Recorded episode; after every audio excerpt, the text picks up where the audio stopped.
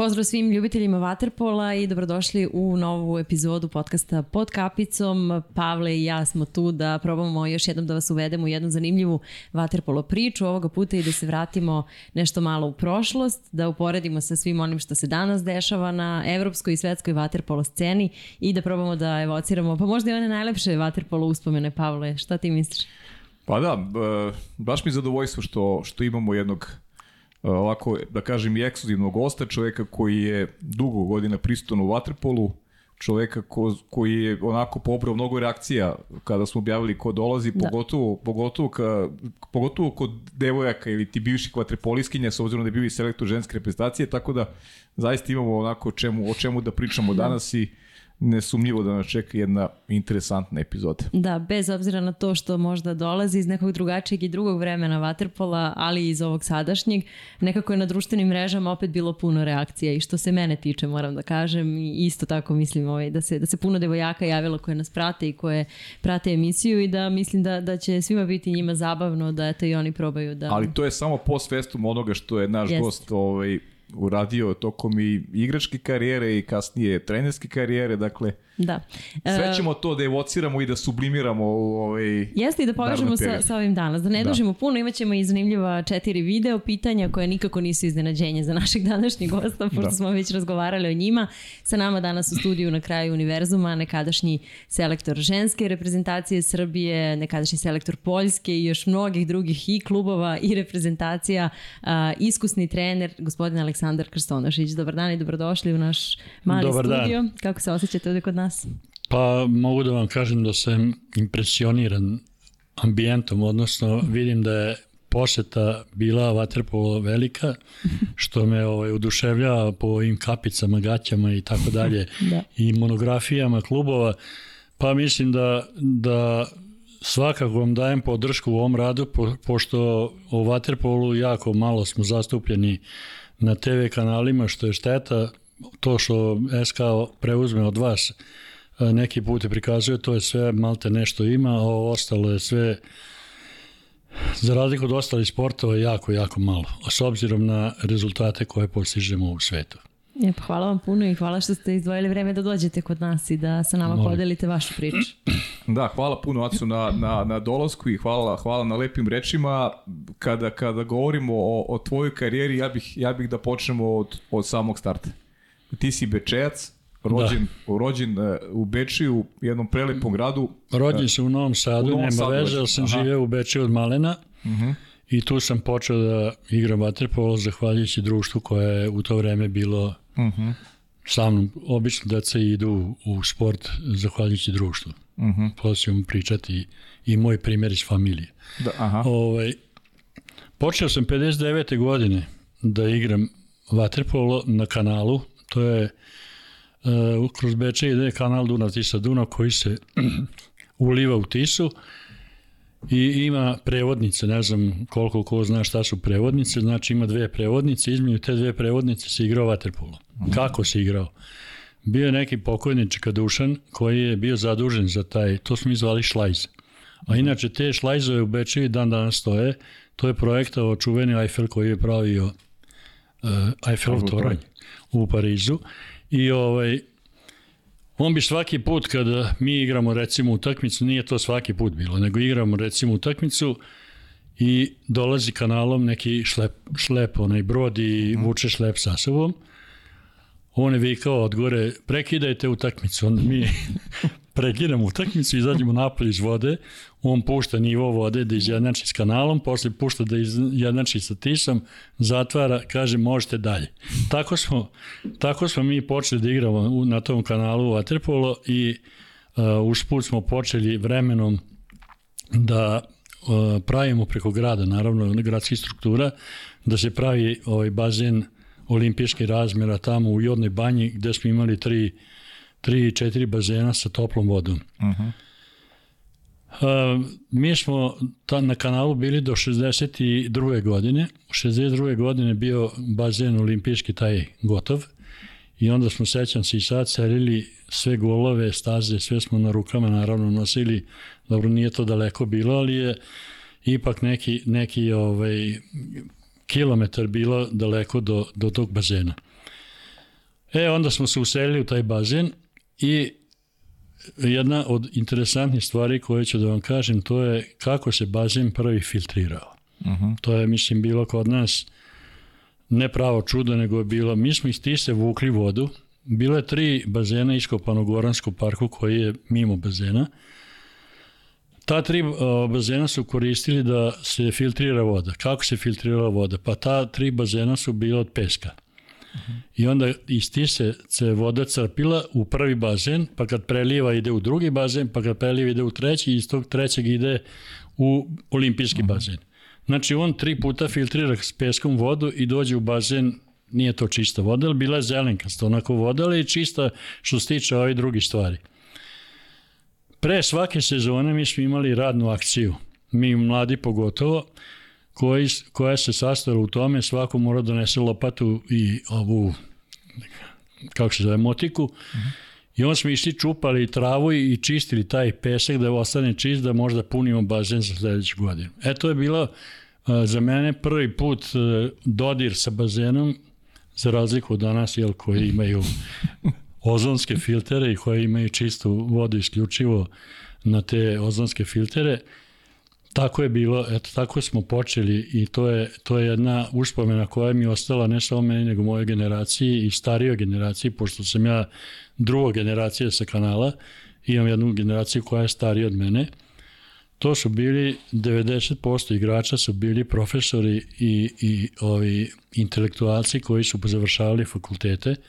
Onda se to moglo tako i to je ovaj čuveni recimo doktor Đurica Stojšić, profesor koji je bio direktor eh, kardiološke klinike u Kamenici, doktor Nastasić, čuveni uh, kardiohirurg koji je uh, isto iz Novog Sada i recimo doktor Silberberg Zoran koji je bio stomatolog vrsni i tako dalje, tako dalje. Znači pola ekipe je bilo sa, sa fakultetski obrazovanim ljudima i to isto kad se pravi komparacija danas sa današnjim decom, malo je to ovako, danas dete mm. hoće da živi od vaterpola. Mislim, to je najveća greška i roditelje njih, ali dobro, kako je tako je. Ti u vaterpolu može da živiš od toga jedino ako si najbolji ili ako si jako dobar.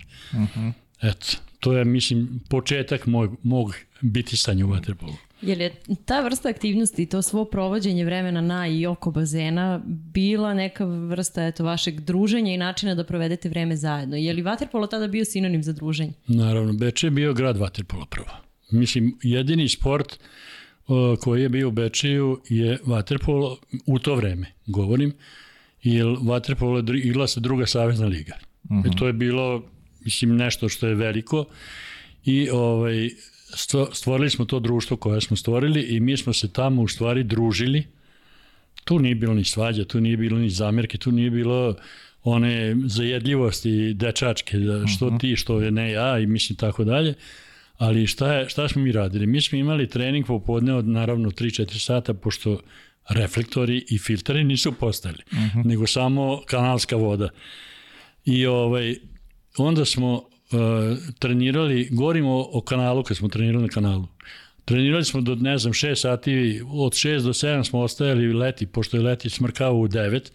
Ostali smo od 6 do 7, 8 sati sami individualno da se, što kažem, uh, igramo na jedan, dva gola, da bi posle išli kući, odnosno na Korzo smo išli, pošto u to vreme bio Korzo, uh mhm. -huh i ušput bi skakali preko ograde u uh, naš komunalac, to je bila uh, komunalna firma koja je gajila voće. Bilo je voća pregršt u, i on smo išli krali to voće i to je bio kao užina posle treninga i tako. To nam je bio dečačke, onako, mi smo bili svi klinci onda od 12-13 godina i to je bilo onako stvar koja se može reći da, se, da je bilo zabavna. Uh. -huh.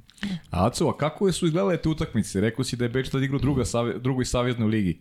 Kada da. je došao moment kada si zaigrao za, za, za prvi tim i aj malo o pravilima tada da uporedimo sa ovim današnjim vremenima, kako je, kako je Vatrepol izgledao u to vreme? Ja sam uh, zaigrao u prvom timu 65. godine, već smo bili na bazenu, uh. -huh. jer tamo smo bili, kažem, klinici, igrali smo, nije, nije postojala onda ni juniorska ekipa, to je bilo nas par momaka ili zaroljubenika u taj sport koji smo se tamo skupili, ali ovaj, kako utakmica izgledala, pa eto sad ću da vam kažem, taj kanal kako je bio s jedne i druge strane imao bedem, tu je publika sedela na travi ili na onim daskama ako su metnuli daske, jedan sudija je bio u to vreme u Waterpolu, sa onim barjekom je sudio plavim belim i ovaj, e, išlo, igralo se tako što je vreme je bio mislim, stvar koja nije uopšte niko ni znao za vreme. Uh mhm. -huh. Merilo se samo dužinu utakmice na običan sat. A, pravila su bile takve da vreme napada odbrane nije bio ograničen uopšte. Mi smo to zvali ko uzme loptu pobedio je.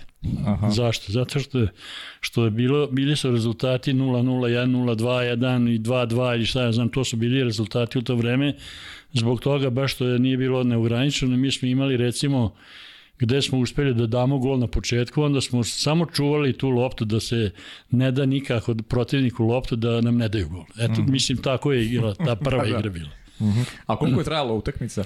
Tra, trajala je uh, četiri puta po 7 minuta. Uh mhm. -huh. Prvo je bilo šest, pa posle metnuli na 7, kasnije su metnuli na 8 i na 10. Da, da. Ali je bilo to četiri puta 6 minuta. Ali isti broj igrača kao danas? Isto sve bilo, mhm. sve isto. Uh -huh. Bilo je 13 igrača u ekipi, u vodi je bilo 1 plus 7, uh -huh. ovaj plus 6, 6. Uh -huh. i tu nije bilo nikakve promene. Uh -huh. Pravila su bila slično, da kažem, današnjim, kad kažem slično danas, da vam kažem, pošto i u kući imam sudiju, danas se da. menjaju pravila svaki šest meseci, mene to toliko nervira i to šta se menja, ništa što je krucijalno. Da. A, dobro, Stići ćemo, ćemo i do te savremene da, promene. Da, i stićemo da. i do kuće, naravno. Da. ja, ja sam mislila baš sada da se nadovežemo na to Ajde. poznavanje ovaj, vaše tanašnje supruge Moja... Isto kroz vaterpolo i, i te vode. Da, mislim, mi smo, mi smo se znali jako, pa mi jedno 15-16 godina se znamo. Ona je dolazila u Beče na jasa turnire, na, na ove, bila čak i sudija koliko puta u Beče, ali mislim, nikakva žica nije postojala između. Ona je e, posle toga bila meni sekretarica reprezentacije i mi smo tu, eto, stvorilo se to što se stvorilo i dan danas smo, eto, posle dobri 15 godina smo zajedno. Da. I dalje ste u Waterpolu? U Waterpolu smo, da, ja sam malo distanciran sada od Waterpola od decembra prošle godine, zašto sam prestao da radim u Poljskoj, ali sam aktivan što se tiče svađe u kući za pravila.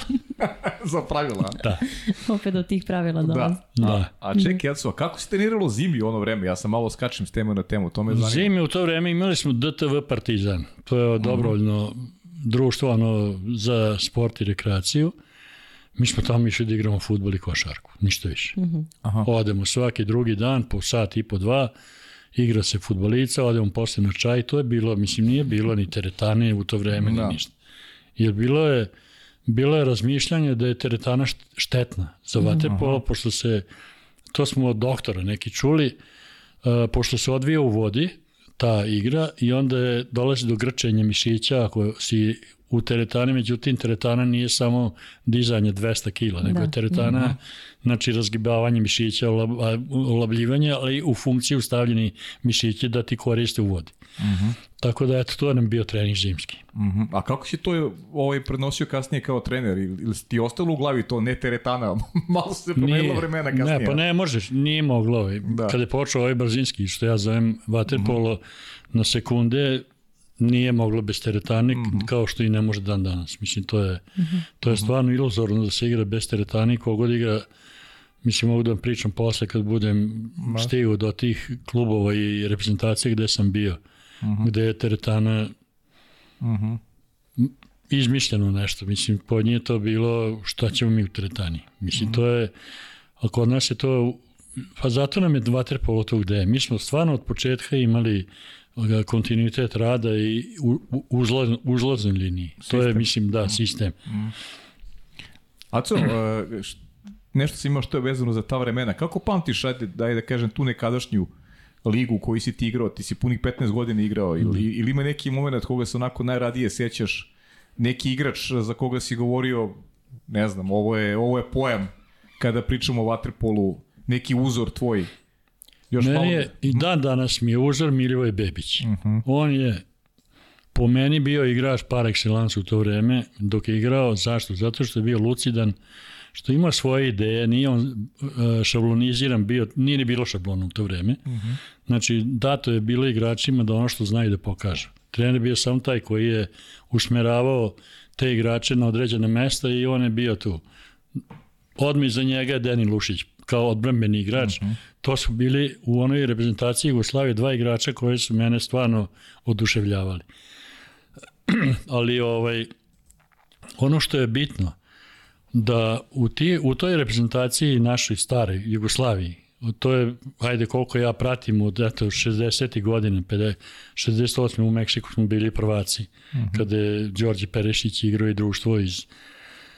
Kako da vam kažem, e, Bata Orlić, pokojni koji je, koji je, e, zahvaljujući njemu, sam ja postigao mnogo, bar koliko ja mislim da sam postigao, oplemenio sam svoje znanje u Waterpolu i naučio sam mnogo, mnogo stvari od njega, plus toga od Ratka Rudića i posle Nikole Stamenića. Znači, ja sam se družio s tim, što kažem, par excellence trenerima i učio od njih, nije bilo sramota da pitam, jer sam se naučio od Bate Orlića da, da trener, najgluplji trener, onaj koji misli da sve zna, ne zna ništa. Mm -hmm. ne. Tako da sam se vodio time stvarno i pitao sam, svaki čas sam pitao i Bata rekao, kad god doćeš sam pitao, ja ti sve objasnim. Znači, to je, to je jedna velika stvar za trenere. Ja danas dan i isto to primenjujem kod trenera koje obučavam recimo u Poljskoj, u Grčkoj kad sam bio. Uh, zašto? Zato što meni je, meni je u, u korist ide ako ja obučim trenera koji dođe sa mnom na trening da zna šta treba da radi a ne da sedi da bleji, to sam u Grčkoj zateku u, u Lariši kad sam bio, trener ode da tamo lupam, daj plivaj pet puta 200, on sedne na klupu i pije frape. Mislim, kod njih je to tako. Takvi su Grci, mislim, to je sad druga priča što su takvi. Onda u, u, u Poljskoj isto, imao sam trenere koji, vidiš po njemu da nije zainteresovan. Uopšte, mhm. -huh. I onda sam to shvatio, mislim ja sam to shvatio davno još u Bečiju, ali kažem, ovde sam posebno, pošto sam ipak primio neku obavezu na sebe i odgovoran posao, onda sam stavio sebi do znanja da moram te trenere da obučim. Evo samo jedan primjer da je jedan igrač koji je kod mene igrao, posle postao trener iz ovoga, iz Lođa, On je postao sad selektor 2006. godište, bio na evropskom prvenstvu, nisu se plasirali, bog zna kako, nema veze.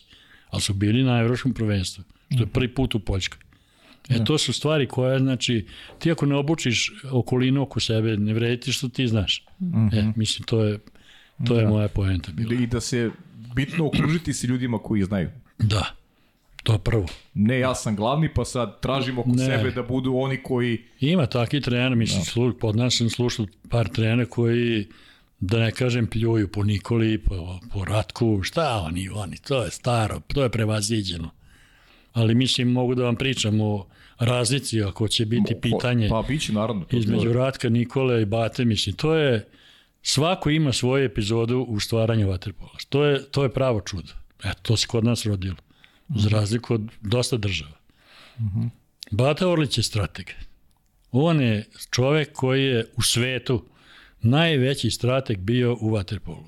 Da namesti, da dogovara, da odlučuje, da namešti trenere, da odredi ekipu. Da, znači, te sve stvari koje je radio i plus one stvari koje su vezane za utakmicu, znači da organizuje utakmicu kad kažem organizuje utakmicu, šta to znači? Da bude sa svih strana obezbeđena ta reprezentacija da će imati podršku, ne navijanje. To je zabluda što kažu sudije navijaju. Ne može sudija navija za tebe ako ti znaš da igraš.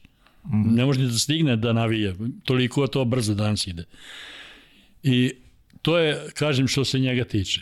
Ratko Rudić je isključivi taktičar bio, grupni. Znači, on je samo ekipni taktičar bio neprevaziđeni. Postavio je taktiku tako da smo se mi svi krstili. Mislim, to je bilo, to je bilo stvarno zadivljanje videti.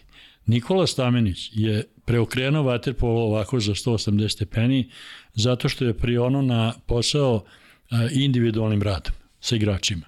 Znači, uh -huh. on je, on je ovaj, mašinski inženjer, inače po struci, i on je mehaniku iz, eh, mehanik, iz ovaj, mašin, mašinskog inženjerstva uh -huh. preneo u vaterpolu na bazi poluge, kako se okreće, šta, kako se, znači sve te stvari koje kasnije, to je bilo kada je on preuzeo od ne znam koja godina bila, nije bitno, kada je preuzeo reprezentaciju, on je to sve postavio tako da naš, ove naše susedne reprezentacije koje su s nama igrale nisu mogli da uhvate u čemu je faza. Mm -hmm. e, u tome je naša jačina. Mm -hmm. Nije jačina naša što imamo ne znam, lupam, dva, tri dobre igrače koji šutaju, ovaj centar dobar, to jeste, ali to treba e, individualno tog centra obučiti šta kad dođe na dva metra, šta treba radi, šta treba back da radi. Mm -hmm. I da vam kažem, prisustovao sam, ja sam držao seminare u Staroj Jugoslaviji, prisustovao sam ljudima koji su na seminarima naravno neću da ih imenujem, koji su držali temu back uh, centar. To je večita tema na seminarima bili, ja nisam čuo ništa. Znači, mm. jednostavno, ljudi se bave time, a nisu, nisu ovaj, ušli u, su, u suštinu stvari. Mm -hmm. Kako treba, šta treba, šta ako se namesti ovako, šta ako se namesti, mislim, to su sve stvari koje... Ništa novo u odnosu na period jest, Bate, Bate Orlića jest, i... Jest, jest. Mm -hmm. A je li, je li neko pomerio stvari u toj meri u ovom sadašnjem vremenu kao njih trojica onda u Waterpolu? Sad u ovo novo da. vreme? Pa ja nisam Ili je neko makar blizu? Ja nisam vidio. Uh mhm. -huh. Ja jednog trenera koje vidim danas koji zna da radi, da, mislim, zna i svi da radi, ali u tom smislu da radi, koji obučava i pravi igrače, to je Kembe iz Kragujevca. Uh mhm. -huh. Jedini, po meni, igra, danas trener koji je stvarno, stvarno od ničega napravio svašta. Uh mhm. -huh. E, taj Kragujevac posle onog raspada pre par godina, on je digao te anonimuse, što ja kažem, i, i a čujem i kako radi, i znam ga iz Banjice, i znam kako radi, i čujem kako radi u Kragujevcu, jer moj bivši pulen mali Dobožanov, golman, on je kod njega u Kragujevcu i tako iz razgovora kad dođe, kad se nađemo u Beču čujem priču kako Kembe radi, a ja znam kako radi. Tako da mislim to, eto, jedina, mislim, nažalost, tako je. Da. Ili na sreću po, po reprezentaciji sada. Pa dobro, da. to je sad, da. da. To jeste. Aco, ajde započeo s jednu temu. Ja ja sam mislio još malo da da ostanem u toj u, u tim prošlim vremenima, možemo ako se Ajde. Ako ovaj ako ima nekih, ali mi je sad ovo interesantno jer jer ti si sa sa svom trojicom uh, navedenih uh, koji su onako dojeni kada govorimo o jugoslovenskoj školi vaterpola pa i srpskoj školi ti si sam imao, imao prilike da radiš ti po završetku karijere ti si ostao da radiš kao da kao, kao, kao trener u Bečeju da. i tu si imao priliku da sarađuješ sa sa pokojnim Vlahom Orlićem da ja sam 80. prestao da igram uh mhm. -huh. i onda sam odmah dobio pionire u klubu kasnije kadete i juniore i 80 i četvrte, pete godine mi smo bili apsolutni prvaci Vojvodine, recimo, što nikad nije bilo u Bečiji do sada. Uh mhm. -huh. I to su bile svi rezultati po 10 do 15 golova razlike. I protiv Žaka Kikinda i protiv Som, Sombora, ne, Sombor nije igrao. Uh, Vojvodine, uh, Sente, znači sve, pomagali smo Vojvodini, davali smo im igrače na, na zajem pošto smo mi imali stvarno Beče broje između 150 i 200 dečaka svake godine. Što mm. danas nije slučaj ni blizu, mm. danas ne znam.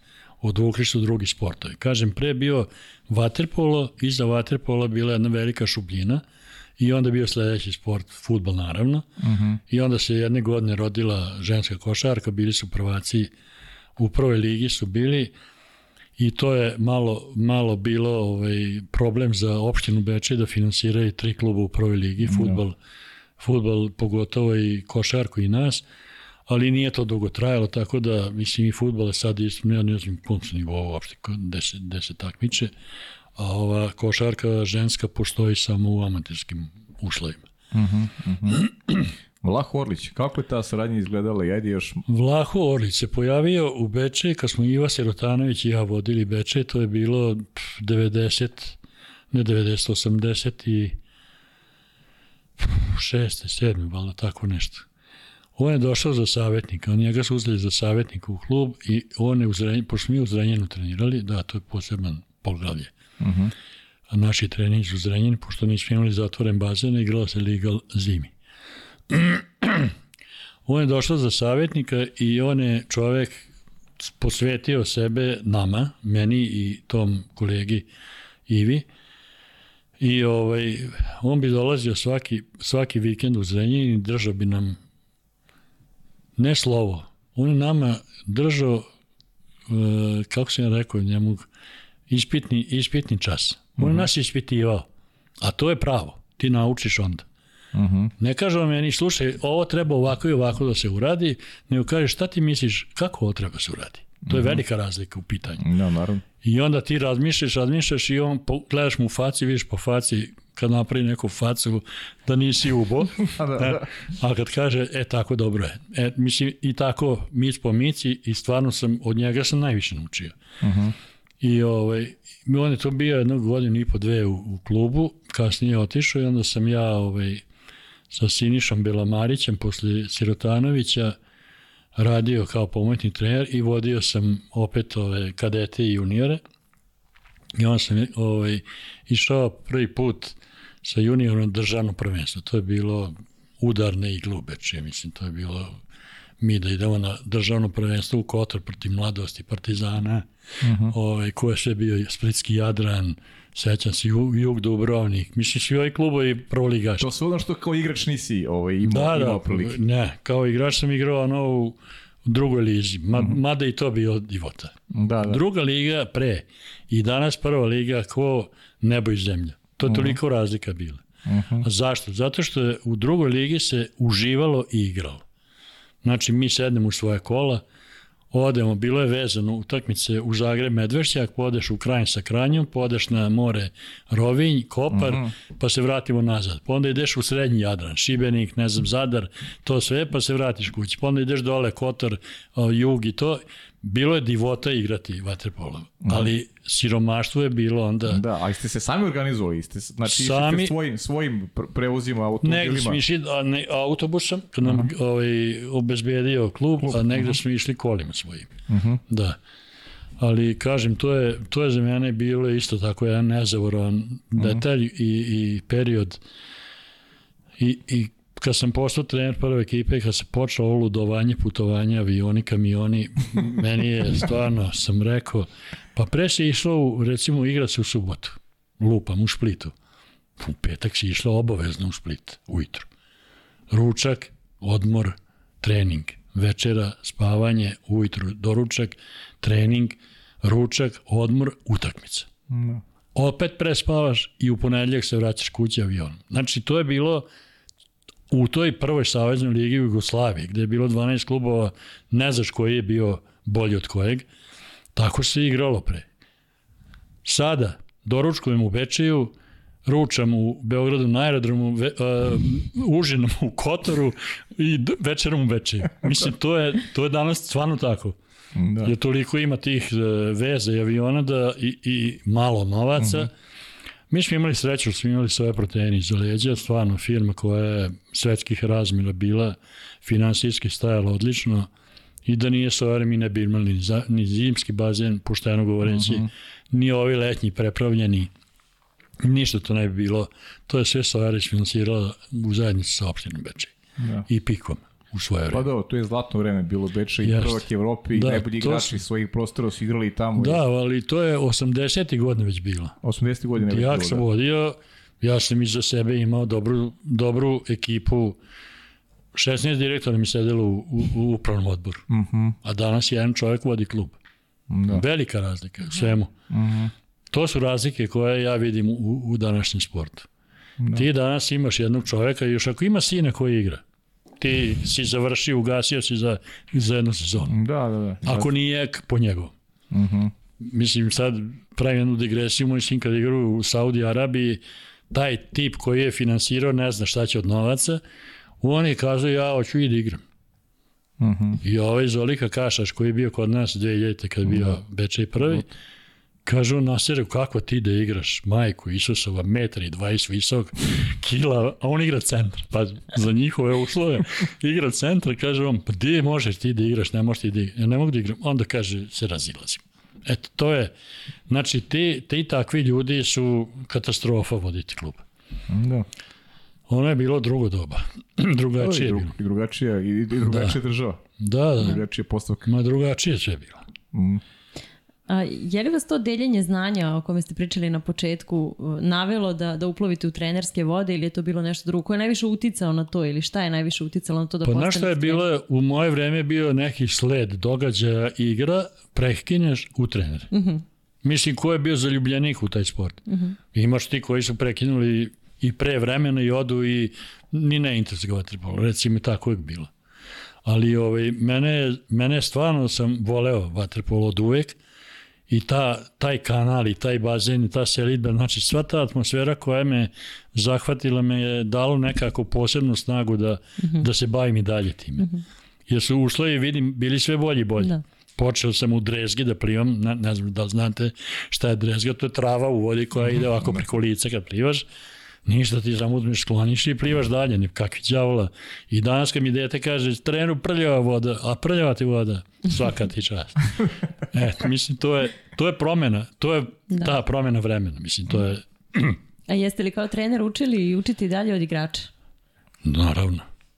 Ja sam naučio, kažem ko je meni učitelj glavni bio, on me naučio jednu stvar, a posle pričat ćemo mi o njoj. Uh -huh. ovaj, uh, on mi je rekao ovako, slušaj da ti kažem, ja nešto sam mu, da, vodio sam neku utakmicu u Bečeju, on je bio još uvek savjetnik i ovaj, ja posle utakmica, on, obično smo sedeli uvek tamo ovaj, da analiziramo utakmicu. Uh -huh. I ja vam kažem, Bato, ne znam, da ne detaljišem sad, ne znam, to i to tako, kaže on, slušajte, kažem, kad si trener, moraš slušati publiku, moraš slušati igrače, moraš slušati zapisnički sto, sudije, sve aktere u takmici moraš da slušaš da bi nešto shvatio i naučio. Jer nemoj biti ubeđen, to ti najgore u životu biti samouveren da si ti najpametniji, da ti najbolje znaš. Kad slušaš ovo, kad, ja sam posle te priče s njime, da vam kažem, dao sam moje čerki diktafon, u to vreme bili su oni mm -hmm. diktafoni. Mm -hmm. Rekao, sedi, kad sediš na tribinama, samo ga uključi, ništa više. Da je interesantno. Znaš šta se sve čule? Znaš ti šta ljudi pričaju za vreme utakmice? Pa tu ne možeš da veruješ, mislim, gadete. Kad gubiš, gadete. Kad igraš, jao, Aca najbolje na svetu, mislim. No. Da. I to su te stvarno stvari koje se čuju, ne, koje... Imaš ti trenera koji, ja sad kao stariji, kad dođem da kažem, ej, daj, nemoj ti meni pričati. Ja onda ni ne pričam više. Šta vam pričam? Uh mhm. -huh. Znači, jednostavno ne prihvata, ne prihvata ni sugestije, ni, ni predloge. Onda jednostavno tako kažem. Ovaj, Ljubica Baćanac, ne znam da ste čuli za nju, ona je bila psiholog e, naše reprezentacije u vreme Nikole Stamenića, pa i u vreme Ratka Rudića. Ja sam tu ženu upoznao i kad sam pričao s njom dobrih jedno 3-4 sata, ta žena mene opismenila što se tiče psihe, igrača i psihologije u igri. Kako? Rekla mi je sve ono podobno kako treba da se ponaša ekipa i onda dođemo do atle, pošto ona ispitivala ovu reprezentaciju u Kihindi, recimo 84. kad smo bili, imala je testiranje igrača. Onda sam ja video njenu, ona imala neki 200 i nešto pitanja za, za igrače koji popunjavaju te obrase. I onda, ovaj, kad sam pričao s njom, ja kažem, Ljubice, da li bi vi došli kod mene u klub da uradite test, kažete tamo koliko košta, znaš, mi kod nas bio problem novaca uopšte. Bilo je lupom 100 evra po, ili 100 maraka po igraču, klub je to platio bez problema i napravio mi test i posle testa smo sedeli 5 sati pričajući. Prvo, stvari koje ona napisa, napiše zaključak, ne sve da se iznose nikome u klubu, ni predsednik klubu, nikog. Znači, klub nešto plati što ni ne vidi posle i ne sme da vidi. Jer to se radi o ličnostima ljudi i ako neko iskoristi bilo ko, mm -hmm. ej, ti si takav, gotovo. Mislim, ti tog igrača više nema. Uglavnom, ona je mene to uh, naučila i uradila mi je test, imala je već 500 i nešto pitanja. Zašto 500 pitanja? Zato što kaže, ako imam 50 pitanja, igrač može da me prevari, pa na neka pitanja što su od krucijalne ovaj, važnosti napiše kako njemu odgovara, a laže. A na 500 pitanja on tako zaluta da nemam pojma šta odgovori više. A ja na bazi tih 500 pitanja izlačim zaključke. Mm -hmm. I onda pravi, to se pravi ovako, imate krug, pravi se odnos u ekipi. U krugu ti stoji kapiten, a okolo su sve igrači. I onda pravi odnose, negativan odnos, pozitivan mm -hmm, odnos, mm -hmm. igraš sa kapitenom kakav je. Onda imaš igrač sa igračom. Onda imaš kapiten sa igračima. Sve, ti, sve te odnose, to su grafike, ovako grafikoni, na ne znam koliko strana taj, ona meni to uradi. Došao sam dotle, da, da ona meni otkrila zašto ja gubim utakmicu u, u prvoj i u zadnjoj četvrtini. I kaže ona meni, evo sad ti reći, kaže, ova dva igrača ne mogu nikada da igraju zajedno. Ja kažem kako? A jedan bio odličan, ovaj, sad neću da ga, da ni da kažem, da li da, nego ovaj, da, da i prozivam, boš sad čuj. Uh mhm. -huh. A drugi isto dobar igrač bio. Ja kažem, Ljubice, kako sad, slušajte me šta vam kažem, uvek na klupi mora da jedno od njih dvoje da bude. I sad ti kao trener vodiš ekipu i stalno ti u glavi čekaj, razmišljaš o taktici, razmišljaš o zameni ovih ostalih igrača i da nije slučajno par njihov unutra. I mi počeli da dobijemo utakmice. Mi smo sa desetog mesta, kad sam preuzeo ekipu od Ljube Mečkića, došli za dve godine na četvrto mesto i na finale kupa ove, e, bila Jugoslavija onda. Nena Manojlovića vodi. 92. šta je bilo? Srbija. Srbija. Da. Finale kupa Pa ne, Jugoslaviju u stvari. Savez, savez, ja mislim da bilo je, da. Savezna država. E, samo zbog toga. I onda sam shvatio, i ona mi je to rekla, da u igri igrači, da bi, ti možda pričaš taktiku, e, tehniku, da i peglaš da plivaju, da rade tegove, da, da, da, ako nema i čuku, ne vredite ništa. 60% je psiha u igri, a 40% je sve ostalo. No. E, to je, ona mi je otvorila oči tada i stvarno to je, to je pravilo važilo. Mi smo, kažem, ovako se dizali zbog nekih stvari. To je samo jedan detalj bio. A to je super detalj, jer generalno kolektivni sport, to je to ono pravilo, da, da je tim to kad pričaju, grupa koja najbolje funkcioniše, da, da. ne grupa najboljih igrača, nego tim koji najbolje funkcioniše. Jeste, kad pričaju o hemija, Da. Jer postoji hemija, šta je hemija? Pa to To, to je hemija. I kad pričaju, imaš ti ljudi koji kad završi u tom i tresnim vratima ode u svoju sobu, ne, ne šinjivi nikog uopšte. Uh mhm. -huh. A imaš ljudi koji sede u sobi, prepričavaju utakmicu, što nije slučaj. Uh mhm. -huh. Bio ni kod Stanoje, kog sam čuo, ni, ovaj, ni u Rusiji kod sina kad je igrao tamo u, u, u ovom djavolu šturmu. Da. Mi sedimo recimo posle pazi, finale play-offa u Rusiji, sad bacam se s teme na temu. Neko, neko. I ovaj, Rista Maljković i Goran i ja idemo posle utakmice na picu, u pizzeriju, tamo u Šturmu. I ovaj, sedimo u pizzeriji, sad dolazi pet igrača sa Dimom Stratanom na čelu uh mhm, -huh, Stratan, uh, društvo, da. Uh mhm. -huh. Čuo društvo dolazi, a on kaže, Goran meni, sad slušaj, da li će spomenuti vaterpolo kad sedne? Bože, sad -huh. Kola, ej, onaj Ford, ne znam, ti ovo, ovaj kupio ovo, Mercedesi, auta, mislim, ka, ni V od Waterpola. E, uh -huh. to su ti, znači, e, ta psiha, ta, ta psihologija igrača, to je velika stvar. Yes. Kad ti pripremiš igrača psihološki, da on bude kako treba. Uh -huh. Sad sam gledao futbol, ovih što su naši putukli na kraju. Zašto? Čuke ne valjaju nešto. Da, da. E, to je, mislim, A to su igrači par excellence, ovako. Mm. Ali dobro. je bitno, da. Nećemo o drugom sportu. Nećemo o drugom sportu, Ali da. Mo mogu da se zadržim ajde, na, ajde. na ovoj temi. Mora li vrhunski sportista, vaterpolista u ovom slučaju, da, da bude 24-7 u vaterpolu, makar mentalno, ne možda uvek na bazenu pa, i treningu. Jer, evo ja ću vam reći iz nekog da. našeg kao ugla mla, mlađih ljudi u sportu uh, i oko, oko mene postoji nekoliko njih, što u društvu i u drugim sportovima, uh, priličan, prilično veliki broj njih smatra da ima pravo kada izađe iz sale, iz teretane, iz bazena, na neki svoj drugi deo života, na neka da, svoje druga interesovanja. Da. Sad, koliko je tu, gde naći balans i je li to nužno i obavezno ukoliko neko želi da bude olimpijac, recimo, u tom sportu? Pa spomenuo malo pre, da kad smo uključeni nismo, nije, nije problem. Vidi ovako, mi smo, ovaj, ja u stvari sam imao princip naučeći zanat, taj da kažem igraču, slušaj, radi šta hoćeš. Uh -huh. Uh -huh. Uopšte, me ne zanima šta ti radiš. Hoćeš leći u ponoć, lezi. Hoćeš leći u 9, lezi. Ali ujutro ako vidim da to šteti tvojom radu, zdravo. Mm -hmm. A to se, onda si igrao za novce. Profesionalci su imali dobre ugovore onda, bar u Bečeju. I onda ti njemu skineš lepo 10% danas, pa mu skineš 10% mm -hmm. sutra, onda on malo počinje da čuka misli i drugačije se ponašaju. Ali, hoću da kažem, i vreme se promenilo. Mm -hmm. Uh, meni je vaterpolo bilo ovako, dođem iz škole, bacim torbu za pećak tamo, nešto ubacim u kljun da jedem i odem na, na kanal da treniram, dođem uveče kući u 9 sati, pola 11 sa Korzoa, otvorim frižider i ispraznim ga za večeru, što je totalno van pameti i grozno za sport. Da, da. Ali tako se radilo. Nismo ni bili edukovani, ni smo da. imali trenera koji je znao u to vreme te stvari. Danas dete ima prvo mobilni telefon.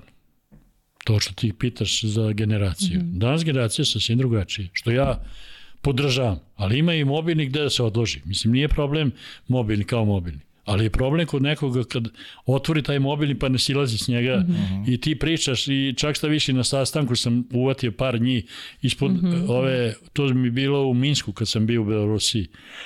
Ispod ovoga butine drži mobilni, gleda, on mora da vidi šta je. Mm -hmm. Jer mu je tipno poruku, nemam pojma šta je bilo.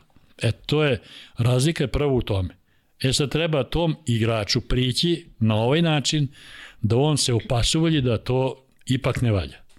Ako možeš probaš jedan put, pa drugi put, pa treći put, a neka vika, cika i ono, ono odbijanje, šta ja znam, bilo kako, to ne, ne, uradi, ne, ne urodi plodom nikad. A mislite li da taj sistem kazni funkcioniše danas? Koji kazni? Pa recimo pa to, to 10%. 10% pa, pa novac svaku kažnjava. Uh mhm. -huh. da. Svakog žulja para po džepu. Mislim, nema tog čoveka, nema veze uh. -huh. sa sportom, nego uopšte. Mm -hmm. Kad te pandur kazni na ulici pa platiš 5000 kaznu pa niti sve jedna. Tako? Da. Znači to je, da. to je jedina bila, pa mislim, kažem opet, u naše vreme, u moje vreme kad sam vodio Beče, to je bila jedina jedina e, stvar s kojom možda kazniš igrača je su imali odlične ugovore. Mm -hmm. Pa nije niko milo da ima ne znam, e, umesto lupam 10.000 da dobije 9.000 mm -hmm. evra ili marak u to vreme. Mm -hmm. A kad smo kod toga, jeste primetili razliku u, u toj pažnji tokom treninga, tokom sastanka, video analize ili čega god? Koliko dugo mladi igrač može da zadrži pažnju na nekoj temi? To ili na nekoj... isključivo zavisi od trenera. Mhm. -huh. To nema veze, mladi igrač, mator igrač, to Ne, mislim da na ove telefone i sve ostale pa stvari pa, dobro, koje danas kažem isključivo i to zavisi od trenera. Kod mhm. -huh. mene na sastanku neš vidjeti igrača ni da, da drži telefon, niti da ne, mhm. -huh. ne bulji u mene dok pričam, niti bilo šta. Znači, to je, jednom primetiš, izvoli izađi napolje. Pa tamo mm. telefona ide, pa, a sutra ga pitam šta je bilo juče, ne znam. A nisi pitao kolegu šta je bilo. Mislim, to su principi koje sam ja naučio, to su odlični, odlični potezi. Ja sam trener koji nikad nisam, ajde da kažem, omaložavao mm -hmm. ove igrače, grdio ih, ne znam, nekako. Nisam razgovarao s njima, jer su pokazali, ne znam ti ja šta ne boš šta čuje u tom momentu kažem to i tako i kraj priče sutra, zdravo, zdravo. Nikola ima recimo običaj da kaže treneru, a sutra me ovom boš treneru, igraču kad nešto ne valja kako treba, ajde izađi napolje iz vode i pitaj me sutra da možda uđeš na trening. On je to radio uvek. To je bilo mm. njegovo i dobra stvar. Mm -hmm. Što se ja podržavao. Da. Aco, 84. Uh, sad smo sa Vlaho Orlić, ajde malo idemo na, na, na Ratka Rudića. Rudić. To je, da. imao si eto i tu, ajde da kažem, i, i neku i privilegiju. 84. je godina zlatnim slojem upisano Jugoslovenski vaterpolo, yes. Los Angeles. Da. Ja sam Kako je to sve izgledalo? Ti si bio tada pomoćni trener. Da, ja sam bio 83. 80, rekao sam ovo kad sam bio na državnom uh mhm. -huh. prvenstvu, napravio sam jednu ekspanziju među decom u Bečiju. Znači, od jedan put smo bili najbolji u Vojvodini, pa državno prvenstvo, pa da sve to uklopilo, što je Bata strateg primetio. Uh mhm. -huh. I on me pozvao da dođem u reprezentaciju. Mi u reprezentaciji onda bio Ratko, bio je Dule Đorđević, bio doktor Brković i Miško ovaj, za golmane Stefanović, uh mhm. -huh. pokojni. I mi smo bili, ja sam bio na pripremama Bogovi meseci i po dana s njima i ja sam tamo nisam rekao da sam se usavršio, usavršiti ne može nikada, uh mhm. -huh. ali sam dosta toga naučio, stvarno. Uh mhm. -huh. Od ponašanja, evo jedan primjer. Krećemo iz hotela Narvik, u Kikindi. Uh. -huh. Ne znam da li znaš gdje je Narvika, gdje je bazen. Ne, nisam, e, nisam. Ima jedno 2,5-3 km. Uh -huh. Došao autobus, Ratko kazao u jedan sat krećemo na bazen. U jedan sat puno autobus i kaže Ratko šoferu, možemo. Od nazad neko viče, ej, nije tu Duda Šimenci bez Malinović. Tre, ovaj, kako se zove, šofer zakoči. Kaže Ratko, ja sam vam rekao da idete. Nije bilo pardona. I ovaj tera I mi dođemo na bazen, Duda Šimenc i Bezmalinović sede zadihani, mokri, od znoja, oni su trčali 3 km, ili autobusom treba ideš okolo putem, a oni su nekom stazom poprekom došli do bazena. To je jedan primer, recimo, kako se, kako se disciplina držala onda. Mm -hmm. Kako je da neko, ma i, nije smeo niko da šušne, bre. Ona, to, e, kao ti kažem, nekada je bilo, kad ti vidiš Ratka Rudića, pojavu prvo, To je bilo, pa evo, čovjek osvojio tri, tri olimpijade sa tri različite zemlje. Jeste. Mislim, to je, to je fenomen bio, stvarno. I imao je, imao je taj odnos a, sa igračima fantastičan, što se tiče taktike, te, sve će ti pokazati. Sad nemoj da mu okrećeš leđa, ni, ni polu leđa. To mm. nije voleo. Znači sve upi, ako hoćeš ćuti za sebe, ako nećeš, nemoj pokazivati. Mm. On je takav bio ovaj trener. -huh. I to je ono što je krasilo i njegov rad i sve. I bilo je stvarno od tog, od tog vremena, sećam se, uh, kad su Duda i ovaj Besma nestali, u stvari došli peške u bazen nikad više. 15 minuta pre su njih dvojica dolazili na autobus. 15 minuta pre. Sedeli su ispred Narvike i čekali autobus. To je bilo, mislim, tako je. To, to ne može drugačije da. Uh -huh. Da, sjajna grupa, sjajna grupa ovaj, igrača i kako, yes. kako pamtiš taj, taj ceo... Bilo je jako. Mene je recimo lično kao treneru, dobro, ne treba ti bude žao nikoga, ali mene je bilo žao kada je Serđe Afrića vratio Aha. nazad iz te grupe. Grupa je bila njih, zaboravio sam tačno, negdje 17-18 igrača je bilo i četiri golmana. Ove, ovaj, on je vratio Serđa Afrića, koji je u to vreme slovio u jugoslovenskom vaterpolu za virtuoza. On je mm -hmm. ko Šilo bio. On je igrao u Primorju Rijeci, posle igrao u Šibeniku, ali je bio igrač par excellence. Ovo ostalo, to je bilo, pa nije Tito Zabadao govorio bratstvo jedinstvo. Stvarno, mislim, ti igrači su se toliko i družili, i poštovali, pa mislim, bez toga nema pobede. Mm -hmm. Oni su tačno jedno za drugim. Igor Milanović je bio, recimo, kreator tog drugarstva, oko njega su se svi ono, ipak je on bio tu u to vreme glavni igrač među tim dobrim igračima. Mm -hmm. I, I druga stvar, što ti u Jugoslaviji si imao na, na spisku u glavi pa bar 150-200 igrača. Mm -hmm. Nisu bili isto kvaliteta kao Brazil u futbalu, ali si imao imao si kvalitetni igrače, pa bar jedno 30 komada, 40 koje si moglo da kažeš ome, ajde ti se skloni i ti dođe. Mislim, mm -hmm. to je bilo. I onda su oni zazirali od toga. Pa svakome je cilj na olimpijske igre. No. Da. E. I šta je meni još bilo krivo? 84. godine meni kažu ti ne možda ideš na olimpijadu. Mm -hmm. Zašto? Pa kaže zato što ti imaš posao u klubu. I onda su išli ovaj, kako se zove, Ratko, i ovi što su bili s njime. A ja sam ostao u Beču jer sam hteo da preuzem posle prvu ekipu i imao sam, stvarno sam imao posla svoj u klubu, mhm. -huh. ali dobro. Olimpijada je jedna i da, to šteta, je nisi, nezaboravno. Da. da, nisi, nisi to, nisi to doživio. To sam i, i 2001. sam doživio to za Pertac s Nikolom.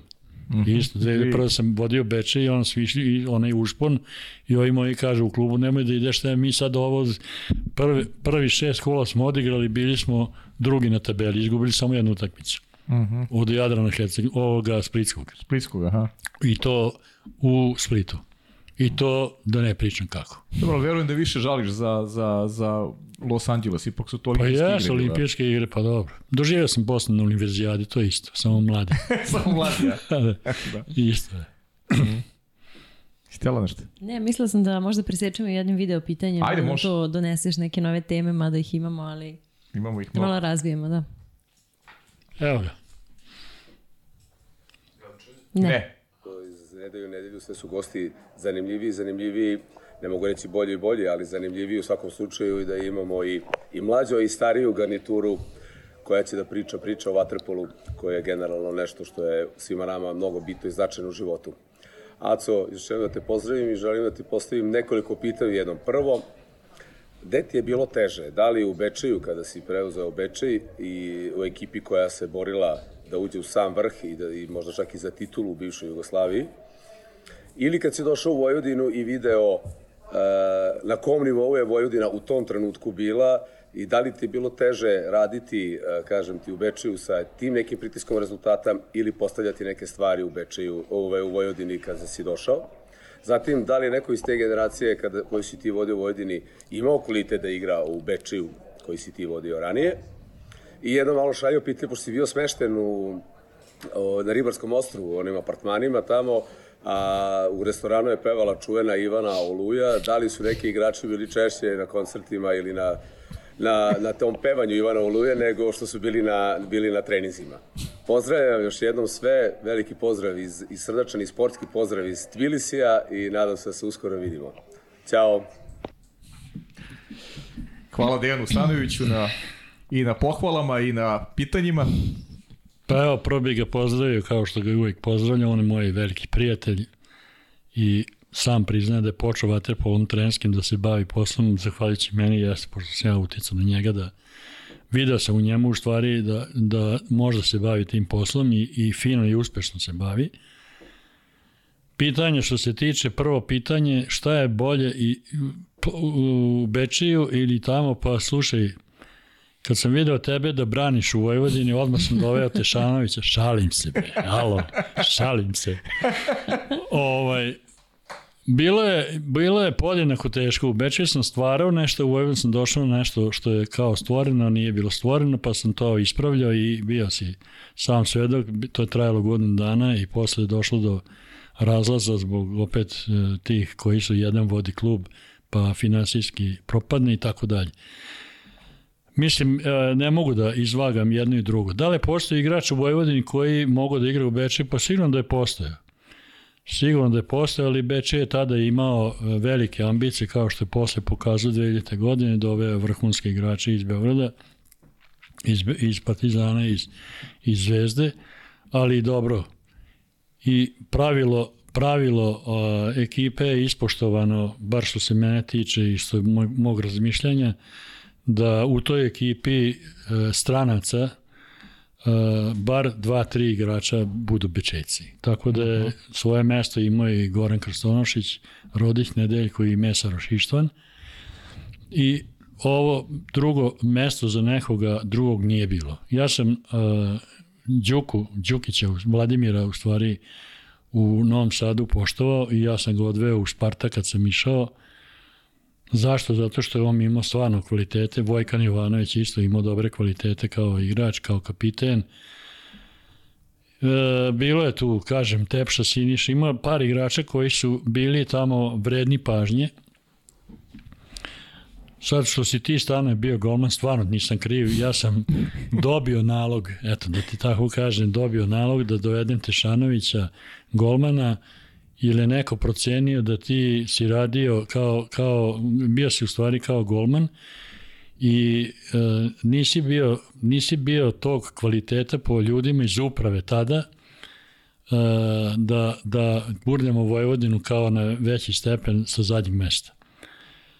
Soro se rađao, bio je klinac, znaš i sam, njemu smo, njemu smo posvetili isto pažnju, a ti si dobio svoje mesto u ekipi svakako, bio si ovaj, sa Tešom i branio si par, mislim da ne ulazim sad u te priče, uh mhm. -huh. branio si onoliko koliko je bilo potrebno i eto, to je to. A ova kafana? I... Kafana, pa nije, to je ovaj, ta olujićka mi došla glave u Bečeju, kad, sam, kad sam igrao finale kupa protiv Partizana, moji ovi Mislim, to je poseban događaj, mogu da ispričam ceo. Uh -huh. Mi smo bili u karantinu na jezeru, znate da je jezero da. pored Bečeja, uh -huh. i tako smo dolazili na trening, to je bilo 3-4 dana pred finale kupa, pošto se kup igrao tada na pet utakmica, odnosno na tri dobijene. Uh -huh. Prve dve smo igrali kod bolje plasirane ekipe, odnosno kod Partizana u Beogradu, druge dve u Beče i onda ako treba peta se igra ponovo u Beogradu. Mi smo prvu utakmicu pobedili sa, ne znam, dobri 5-6 golova razlike Partizana na Banjici, drugu smo izgubili, treću smo pobedili u, u ovom Bečeju i trebalo je četvrta da se pobedi i mi igramo 12-12. I onda se igrala peta majstorica u Partizanu i u majstorici smo igrali 9-9 nerešeno u regularnom vremenu, prva dva podbužetka 10-10 i onda je bio, pravila su bila zlatni gol uh mhm. -huh. u produžecima. Ko da gol pobednik. Uh mhm. -huh.